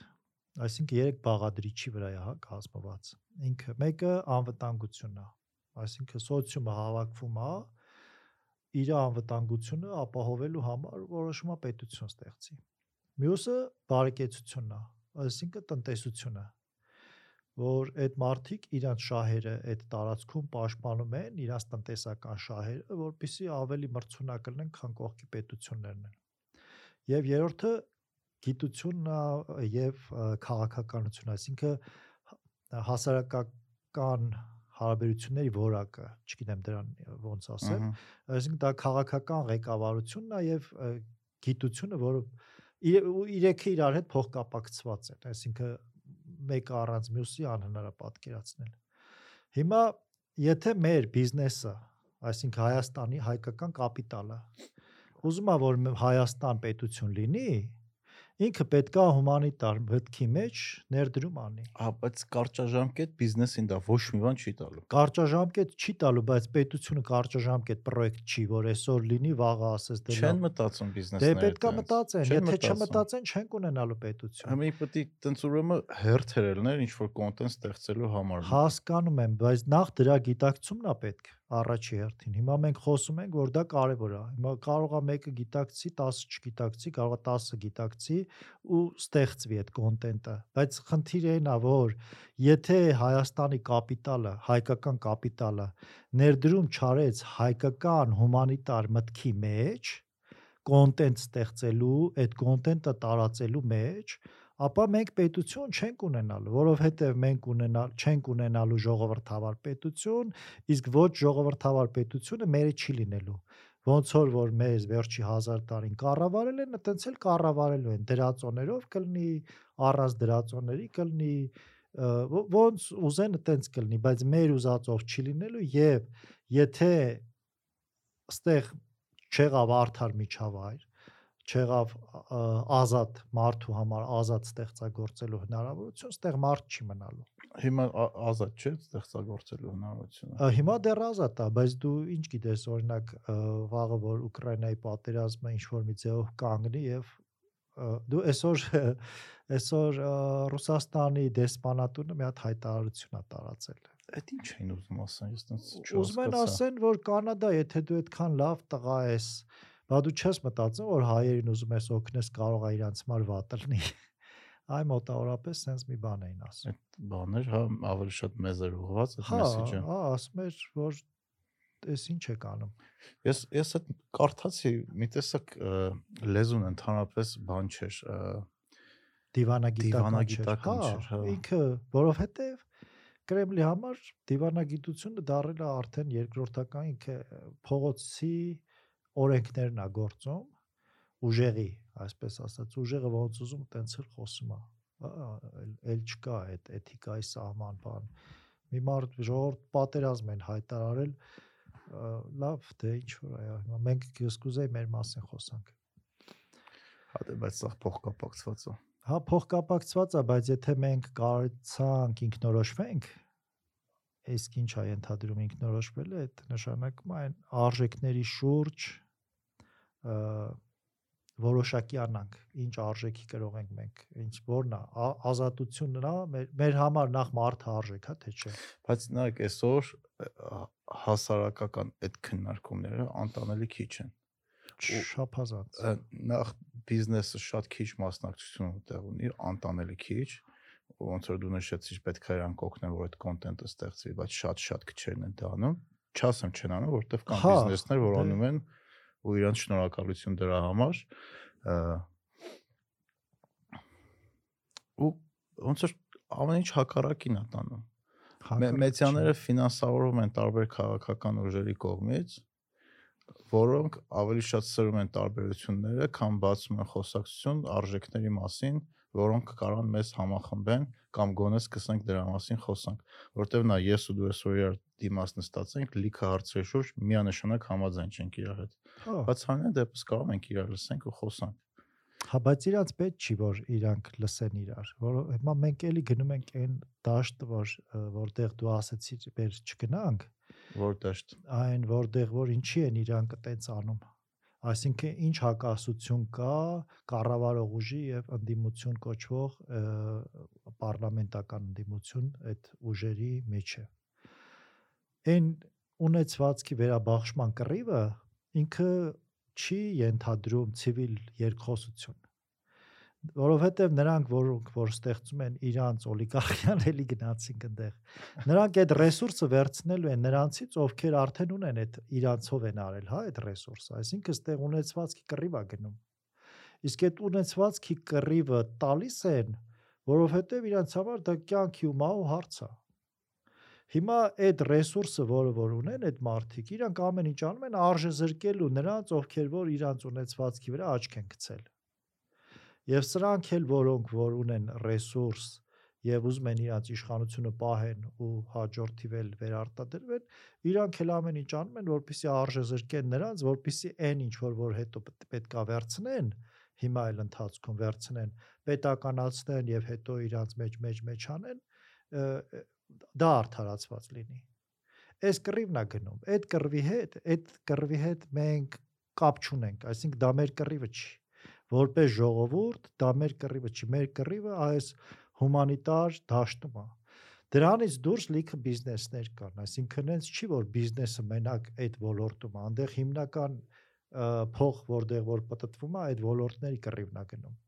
Բայց որոնք են թվանքները, ոլորտները, ավիացիան վառելիքի բիզնեսն հանքերն հա, շինարարությունը։ շինարարությունը, Հմ, ասֆալտ, չգիտեմ, եւ այլն։ Դե ասֆալտը միշտ է։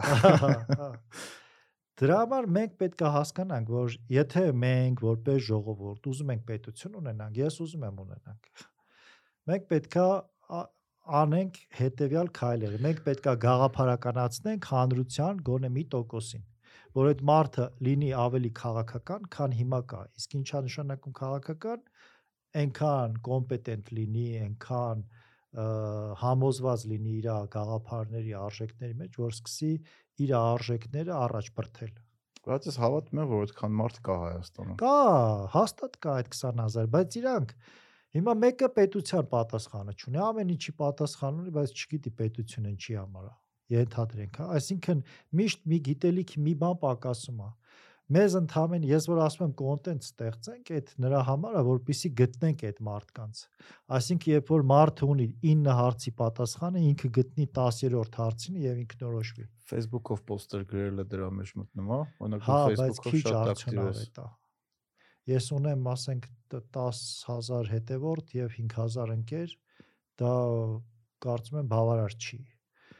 Կա, ես այն երեք աղբյուրներից մեկը ասեցի գիրքը, հա, որը որ պետքա թվայնացնել։ Երկրորդը դա միջազգային տարբեր գիտնականների ու արտասահմանյան գիտնականների ստեղծած թվային կոնտենտն է, որը պետքա հայաֆիկացնել։ Հիմա ես ինչի եմ ուզում սա պարտադիր ասեմ, որովհետև եթե կլինեն մարդիկ, որոնք լսում են սա ու իրանք կանեն, ժողովրդավարության ուժը դրա մեջ է, էլի որ ով ինչքանով կարում մասնակցում է, անկախ նրանից Հա։ համագործակցում է թե չէ ուրիշների հետ, հա։ Այդ միջազգային տարբեր դասախոսություններ են այդ գիտնականների կողմից, հա- հարցազրույցներ են, տարբեր ոդկասթներ են, դա պետքա թարգմանել հայերեն։ Այս վերջերս նկատել եմ, որ ինչ որ կոնտենտ սկսվել է թարգմանվի հայերենով։ Հա, քիչ է։ Օրինակ գրքերի հետ կապված կողմ հիմնադրամը պայմանավորվել ենք հիմա Գերմանիայից սարքավորումներ ա սպասում, աուդիո գրքերը իրանք մի մաս սկսելու են անել։ Իհարկե մի հատ ստուդիայով բավարար չի, դա 100 ստուդիա լինի, էլի անելու բան կա, Դե հա։ բայց գոնե մի հատից պետք է Հա, բայց վերջերս նաև իմացա, որ ինչ որ մի խումբ մարդիկ էլի տենց նախաձեռնել են 700 հայերեն գիրք, աուդիո գիրք կա, որը ահագին ժամանակ է խնայում իրականում էլի ու օգնում է այդ գրքերի պոպուլարիզացիային, ասպես ասած։ Դե եթե լինքերը կա, կողարկեք կդնեմ բանը, վիդեոյի տակ։ Հա, թող մարդիկ ծանոթանան։ Օգնի։ Եվ մյուսը դա հայկական հումանիտար միտք կրողների գիտելիքը թվայնացնելը եւ հանրայնացնելը, հա, որտեւ այդ հումանիտար միտք կրողը ինքը մեր սպეციფიկ խնդիրների հետ առնչվում ու ուսումնասիրում, այսինքն լոկալիզացված։ Լոկալ, այո, ինքը մեր, այսպես ասած, դիագնոզն է տալիս։ Հիմա կան այդ մարտիկ էլ կան, իրանց հետ պայմանավորվածություններ կան ու մեծ հաշվով հիմնադրամ ունենք, որը որ նախատեսում է այդ ամեն ինչը իրական ամեն ինչ չէ, ինչքանը կարա։ Այդ քո ՀԿ-ն է, որ հիմա ունես։ ՀԿ չէ, հիմնադրամա, ժողովրդավարական հարթակա կոչվում։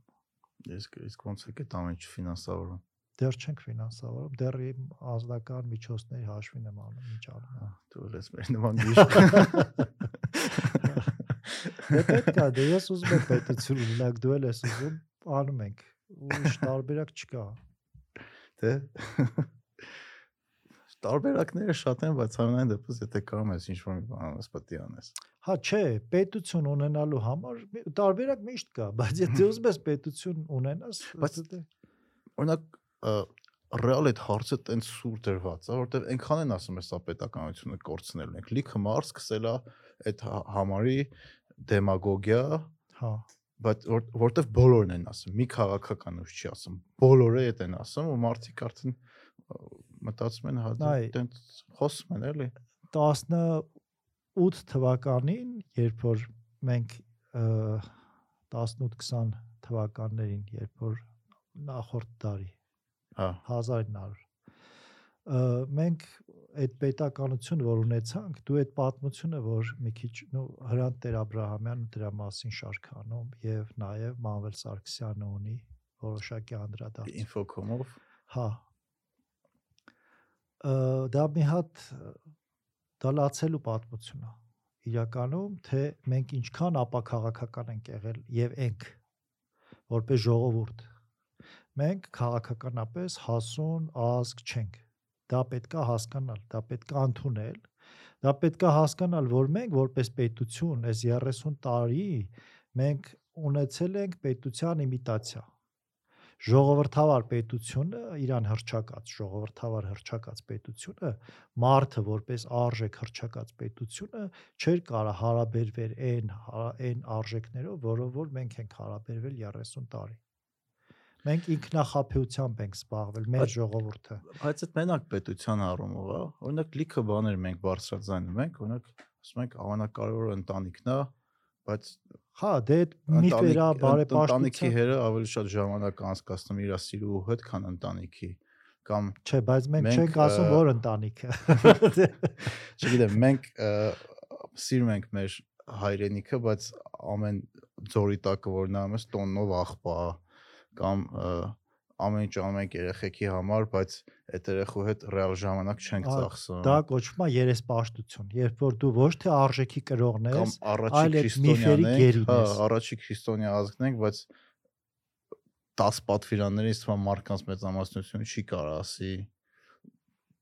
տենց ինձ թվում է այդ ամեն տեղ է մեր հասարակության մեջ Հա, ինչի համար է դա տենց։ Ա Էլ Մաքիավելին ասում է, որ կառավարելու համար, եթե դու կայսրություն ես, ինչ որ տարածք գրավեցիր, այդ տարածքը կառավարել մի քանի մոդել կա, ձև կա։ Ձևերից մեկը գաղութն է, գաղութացնելը։ Երբ որ դու գաղութում դնում ես քո կառավարիչին այդ մարդկանցից, ըհը իրան կառավարում ես ինքը կառավարում է գաղութը ինչքանով ենք մենք հետաքրքիր Ռուսաստանին ինձ համար դժվար է ասելը նու այս պատմական այս փուլում բայց դրանից առաջ օրինակ 1800-ականներից հետո ինչի է Ռուսաստանը հայերին բերել եւ վերաբնակեցրել այս տարածքում որովհետեւ հարավային Կովկասը իր կառավարության իր իշխանության տակ պահելու համար իրան պետք էր բալանսներ ստեղծել այսինքն մի բան է երբ որ դու բերում ես այդտեղ քո զորքը եւ քո զորքով 3 ազգերին հայերին ադրբեջանցիներին վրացիներին հա օրինակ կամ կովկասյան թաթարներին այն ժամանակ ճնշած է սպահում դա շատ թանկ հաճույք է բայց կա դրա ուրիշ տարբերակը որ ստեղծում ես ուժային բալանսներ եւ դու դրանցով շատ թեթև էժան կառավարում ես այդ ամբողջ դիրիժորություն ես անում, Հա։ այսպես ասած։ Աբխազիան, Հյուսիսային Օսեթիան, Արցախը, օրինակ Ղարաբաղը տվեցին Ադրբեջանին, հայերով բնակեցված էր, Ջավախը տվեցին վրացիներին, հայերով բնակեցված էր, Մարդեուլի շրջանը ադրբեջանցիներով բնակեցված մնաց վրացիներին, այնտեղ ավելի արևելք դեպի Ադրբեջանն ու Վրաստանը էլի տարածքային վեճ ունեն, այսինքն ստեղծում են տարածքային կոնֆլիկտներ, էթնիկ խնդիրներ, որ սենց թեթև սեղմելով բալանսը այդ հատուկ արվում Հա, իհարկե, այդ քաղաքականությունն է գաղութները հեշտ էժան կառավարելու համար։ այդ այդ որ պատմեցիք բանը հիշեցի Արտուր Կլարկը մի հատ շատ լավ գիրք ունի կոչվում է Childhood's End Հա, ծանոթ չի։ հա ինքը գիտա բանը ֆանտաստիկա է այդ այդ այդտեղ այդ սեփական մարդկանցից դնելու որոնք պաշտպանում են այլի շահերը շատ հետաքրքիր նկ- նկարագրված է եթե չեք կարդացեք կարդացեք բանա ֆիլմ է ունի ֆիլմը այդքան հաջող չի բայց գիրքը շատ լավն է Հա, դե մենք հիմա այդ դրա վառականատեսն ենք ելնում։ Այսինքն այս բաներ այլ մոլորակային է, պատահական չէր, որ Ռոբերտ Քոչարյանը, որը Արցախի քաղաքացիեր եւ Արցախի պաշտոն բարձրաստիճան պաշտոնյա էր, եկավ եւ դարավ Հայաստանում նախագահ։ Դրանով մի կետով, մի հոգով ինքը կառավար կառավարելի էր պահում եւ Հայաստանը եւ Արցախը, այսինքն որ ունենց որոշումներ չլինեն, որը որ կարա բերի բալանսի խախտման այդ որ ասում են Հայաստանը պետքա ճանաչեր եւ այլն, այդ Հայաստանի ձեռքում չէր Արցախը ճանաչել չճանաչելը։ Որը ճանաչեր հաջորդ օրը Ադրբեջանը Ռուսաստանի հետ կմտնեին Հայաստան, ենթադրենք, բալանսը կփոխեին այն կողմը։ Եվ դու կդառնայիր պահանջատեր։ Այսինքն այստեղ այդքան հեշտ չեն լուծումները, բայց ամենաառաջի ու ամենագլխավոր հարցի հարցերի հարցը դա մեզ որպես հայ ժողովուրդ ինքնորոշվելն է մեզ չգիտեմ էլ էլ ոնց ասեմ էտա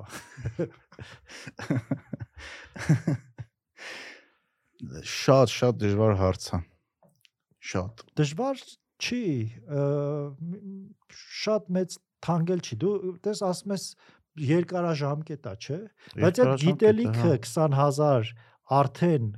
կիրթ իրավագիտակից մարդուն հասցնելը, որpիսի ինքը ինքնորոշվի եւ սկսի գտնել իր համախոհներին ու նախաձեռնություն ինչ որ սկսի, հա։ Դա մի տարվա տարուկեսվա հարց է։ Հա, բայց այդ այդ կիրթ մարդկանց հեշտ չի մի կոնտենտ մատուցել, որ ինքը համաձայնվի ու դա նայի։ Հա, տես ոնց է։ Ես չեմ է ասում, որ ինքը նայելու է դա եւ ինքնորոշվի։ Ստեղ խնդիրը հետեւյալն է։ Երբ որ դու տալիս ես այդ կոնտենտը տարբեր բազմազան, իր մոտ հետաքրքրությունը առաջանում, ավելին իմանալու ցանկություն առաջանում։ Եվ ինքը գալիս է ասում է, օրինակ, պարոն Աղասի Թադևոսյան,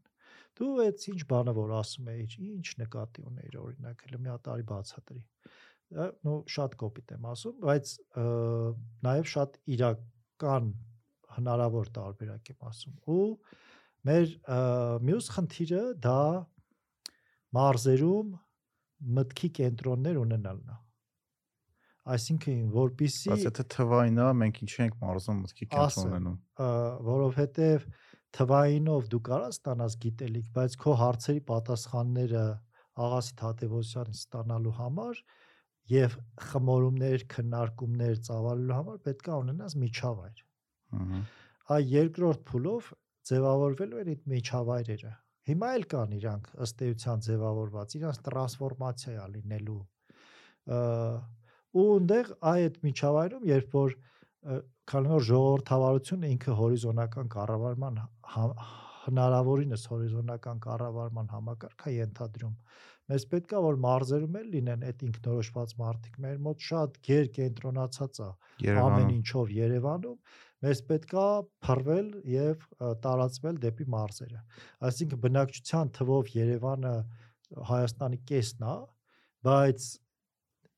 ժողովրդավարության տեսանկյունից այդ մնացած մարզերի կշիռը կեսից շատ կեսից ավել է։ Այսինքն ինչքան են մարզերը Եթե ենթադրենք հա, հա, եմ։ Երևանում բոլորը բռնապետության կողմնակից լինեն, իսկ մարզերում բոլորը ժողովրդավարության կողմնակից լինեն, մեկը մարզերը կդառնան ժողովրդավար Երևանն էլ կպարտադրեն, մի քիչ կարող է վիճելի հարց եմ ասում, բայց այտենց է։ Այսինքն մարզերի կշիռը հանրային կառավարման հարցում շատ կարևոր է տարածքային ինքնակառավարման մարմինների դերը ժողովրդավար պետության մեջ շատ մեծ է։ Հա։ Ու եթե իրանք դառան այնտեղ ժողովրդավար, Երևանը ուզի չուզի դառնալու է ժողովրդավար։ Դրա համար մեզ պետքա դեպի մարզերը գնալ, որ այնտեղ, որովհետև դու որ ստեղծես ժողովրդավար պետություն, այդ ժողովրդավար պետության մեջ այդ մարզերում ինքնակառավարման մարմինների իրավագիտակից մարդիկ են պետք, որ իմ ու քո չանեն բարեկամի եւ այլն, այսինքն պետական շահը սկսեն սпасարկել, հանրային շահը սկսեն սпасարկել։ Մի մի հատ է գաղափար ասեմ, էլի, նո հարցա ինքը անկերոջս այդ Դրա մասին շատ ենք խոսում։ Մայքի նման։ Որ խնդալն է եկա։ Բանը տես։ Բառացի ասա, այն օր ընկերս հետ։ Հա, նոր ընկերներից հետ խոսում ենք, որ գաղափարն է, որ մենք Հայաստանում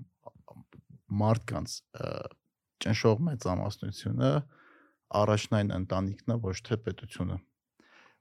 ու իրանք իրար զուգահեռ են գնում։ Հա, Դու եթե ընտրում ես ընտանիքը, դու չես կարող ընտրես պետությունը, կամ եթե ընտրում ես պետությունը, քո համար պետությունն առաջնային լինելու։ Ինչ որ մի կետում դու այդ ընտրությունը պետք է անես։ բայց պետք չէ պետությունը ընտրել։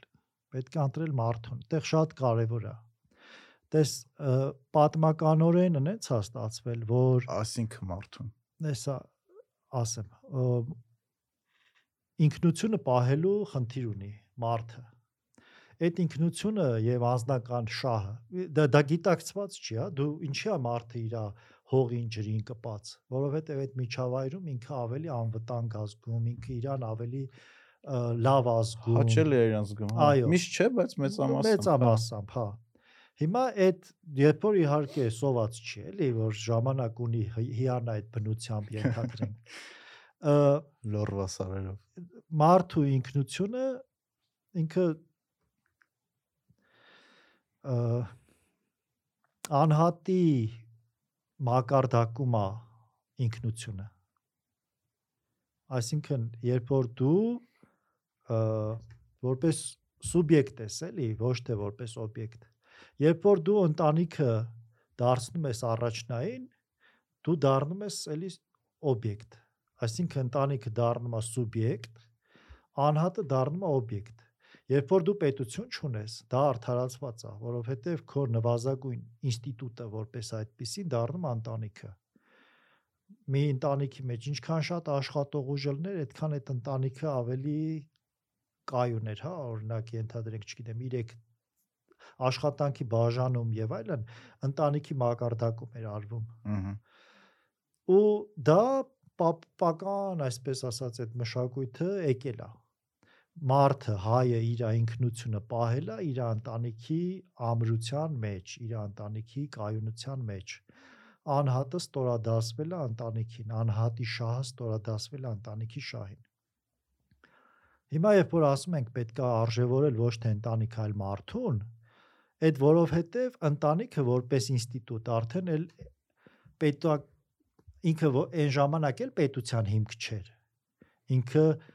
ինքնությանը պահպանելու ինստիտուտ էր որպես, բայց դու պետությունը քո չէր։ հայ մնալու։ Հա, հայ մնալու ապրես։ Իսկ հիմա դու տենց խնդիր չունես, այսինքն քո հայ մնալու գրավականը քո պետությունը ուժեղ եւ կայուն զարգացող պետություն ունենալն է։ Իսկ որpիսի քո պետությունը լինի ուժեղ, կայուն, զարգացող, դու պետքա ունենաս անենց միջավայր, որպես անհատ, որտեղ անհատը գնահատված է։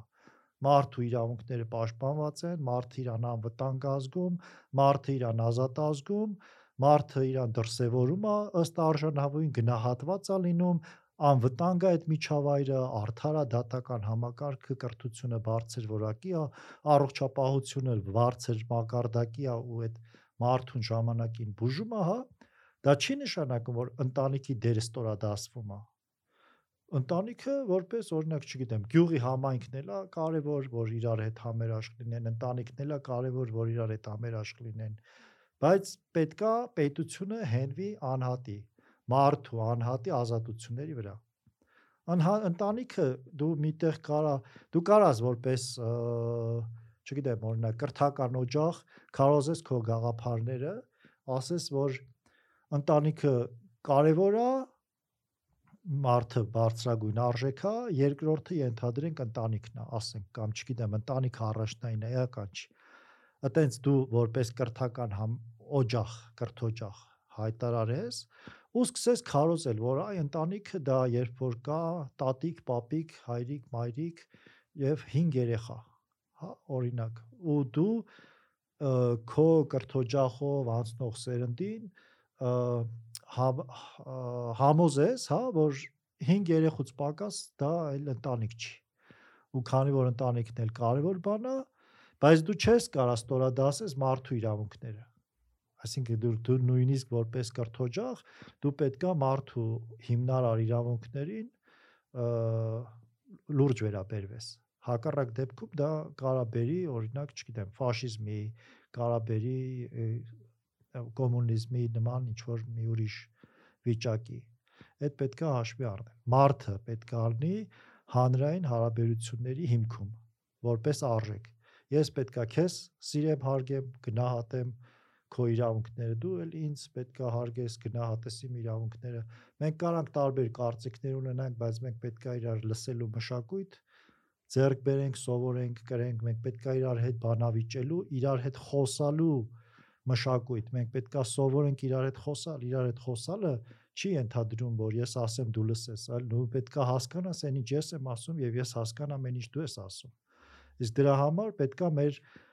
բառամթերքը հարստանա պետքա մենք այդ հումանիտար գիտելիքը տարածենք նորից դրան են գալիս որովհետեւ լեզուն կարևոր հաղորդակցության միջոց է ու ինչ կոնտենտ արտադրվում է քո լեզվով դու ըստ դրա ես զարգանում լեզվամտածողությունը դա շատ առանցքային դեր ունեցող հարց է հասարակության առողջ հասարակություն ունենալու համար Երբ որ մենք, ես ինչ եմ ասում, պետքա թարգմանվի հայերեն։ Հիմա շատերը ռուսերեն էլ գիտեն, շատերը անգլերեն գիտեն, այդ նույն գրքերը, այդ նույն հումանիտար նյութը իրանք յուրացնում են այդ լեզվով։ Բայց երբ որ ես ու դու խոսում ենք իրար հետ, մենք այդ երևույթի մասին դժվարանում ենք խոսալ հայերեն, որովհետև դրա հայերեն բառերը չգիտենք։ Մեզ մի բան եմ ասում, Այ մոտ դու շատ ինչ է բան դա ես հասկանում ու հակառակը դու ինչ ասում ես ժողովրդավարություն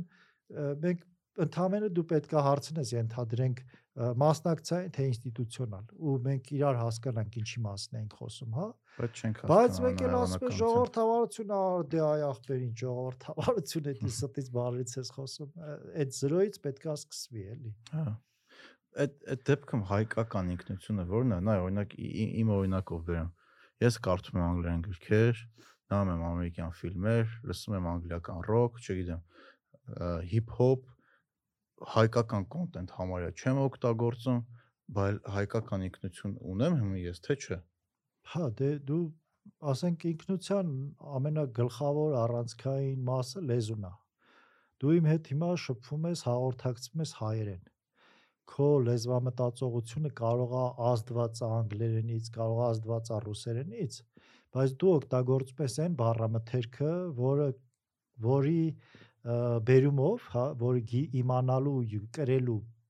բերումով դու հայ ես համարվում։ Դու քեզ հայ ես չէ համարում։ Հա, ես ինձ հայ եմ համարում ու ես Դե չկա ստերիլ մշակույթ, ստերիլ միջավայր, որտեղ ոչ մի ազդեցություն չլինի։ Հա, բայց օրինակ ես նույն իմ խոսքում շատ օգտագործում անգլերեն ու ռուսերեն բառեր։ այ հենց դե դե որ մենք ունենանք կոնտենտը հայերեն։ Դու կօգտագործես հայերեն բառեր։ Ու ես էլ քեզ հեշտ այդ գրքերը կհասկանամ։ ոչ չկա Դե հայերեն։ բասում Ես են պետք է ռուսերեն ու անգլերեն։ Հա, բայց որ հայերեն լինի, դու կկարդաս հայերեն։ Կարող է հիմա դու չկարդաս, բայց քո երեխեն կսկսի կարդալ։ Երբ որ ես ասում եմ, մեզ հիմա պետքա կոնտենտ ստեղծել, դա մենակ առաջ 2 տարվա համար չի, որ մենք ասենք քաղաքասարակություն ձևավորվի, հետո քաղաքական դաշտ ձևավորվի, պետություն ունենանք ու ասենք վերջ, այս կոնտենտը մեզ էլ պետք չի։ Չէ, եթե սկսես գնալ, էլ իրան կանացնելը շատ դժվար է, հա։ Այո։ Շատ դժվար է։ Կարան կանգնացնեն, բայց Դա այդ այդ այդ կարա ասենք սովետական միության նման մի հատ բռնապետական ռեժիմ կա, մի հատ սկսեն գրքերը վառել, այդ թվային նյութերը ոչնչացնել, ինտերնետը փակել եւ այլն, բայց դա այդ հասարակությունը 21-րդ դարում ինքը իր մեջից էլի պայթելու է, ասենք այնց չի որ մենակ մեզ սահմանափակելով կարա օրինակ սովետական միություն լինի։ Բոլորին է սահմանափակելու, իսկ այդ ռեսուրսը այդքանին պահելու չի լինելու։ Դե դա հիմա օրինակ խոսակցություններ կա, երեք դատախազներ ասում որ ասում որ կարդացի միտեղ ուզում են Ռոսկոմնadzor-ի նման ինչ-որ մարմին ստեղծեն, որ հա ինտերնետում կոնտենտը սահմանափակեն ինչ-որ վտանգավոր եսի մի տես բաներ անեն։ Դե եթե նորից ասեմ, մենք որպես հանրություն Հիմարություն, ես եմ կարծիք։ Չէ, դա իրանց համար նորմալ է, որովհետև իրանք ոնց են անել, ախր այդ մարդիկ դա չեն հասկանում ինչի մասին են խոսում։ Ինքը ոնց է Telegram սահմանափակել։ Չինաստանում Կամ ոնց է Facebook-ը, ինտերնետը սահմանափակել։ Չինաստանում Facebook-ը եւ շատ ցանցեր այդ WhatsApp-ն էլ սահմանափակեր։ Ես որ գնացել էի Չինաստան VPN-ով, կպել էի եւ Facebook-ից օգտվում էի, բայց չինացիները այդքան VPN-ի հետևից ընկնեն բանը չի համար, իրանք իրանց WeChat-ը ունեն, ենթադրենք, այդտեղ շփվում են։ Այդ հասարակության համար, որտեղ միլիարդ ու կես մարդ կա, դա կարա ինչ որտեղ արդարացված լինի բայց մեր հասարակությունը որտեղ թվային կոնտենտ չի ստեղծվում այդ նշանակում է բանը հա այն խմորը ինչ են գրտակ հա գրտակով բռնես այս հասարակության են որ մի քիչ անհատականություններ կա այդ էլ հարթացնես Չեն կարող։ չի լինելու բայց իրանց տեսանկյունից այն ինչ իրանք անում են, իրանց արժե համակարգի մտածելակերպի, աշխարհայացքի տեսանկյունից դա դա է արդարացված ճանապարհ։ Այսինքն իրանք չար չեն։ Ուղղակի իրանք տգետ են։ Այդ մարդիկ մնացել են 19-րդ դարում։ Հա, դե ոչինչ, բա ինչ անես։ Մեր խնդիրը իրանք չեն, մեր խնդիրը մենք ենք, որ ովքեր որ մտածում են, որ դա հետադիմական մոտեցում է, որ մեզ պետքա զարգանալ, որպիսի դիմակայել մարտահրավերներին, այդ մարդկանցով մտածենք ոնց անենք, որ այս վիճակից դուրս գանք եւ փող գործակցենք իրար հետ։ Մտածենք։ Դե Մեր ստանդարտ տրադիցիոն հարցը որն է մոտիվացիան ամեն օր արտանալու, աշխատելու, անելու ինչ որ անում ես։ ինքնիշխան, ժողովրդավար, իրավական, սոցիալական պետություն ունենալը։ Այսինքն ընտանիքից բարձր է այդ ամեն ինչը։ Հա, դե ընտանիքը կա, ընտանիքը դա մի բան է, որ որ ես չլինեմ էլ ինքը կա։ Բայց պետությունը դա մի բան է, որ եթե ես չանեմ, ինքը չի լինում։ Ես ոնց հասկանում եմ, ու իմ նման մի միլիոն մարդ ենթադրենք։ 20000 Դե ավելի լավ է մի միլիոն։ հարց չկա։ Շատ շնորհակալություն Ես եմ շնորհակալ շատ։ ձեր գործերին հաջողություն։ Ձերն էլ։ Come on. Come on.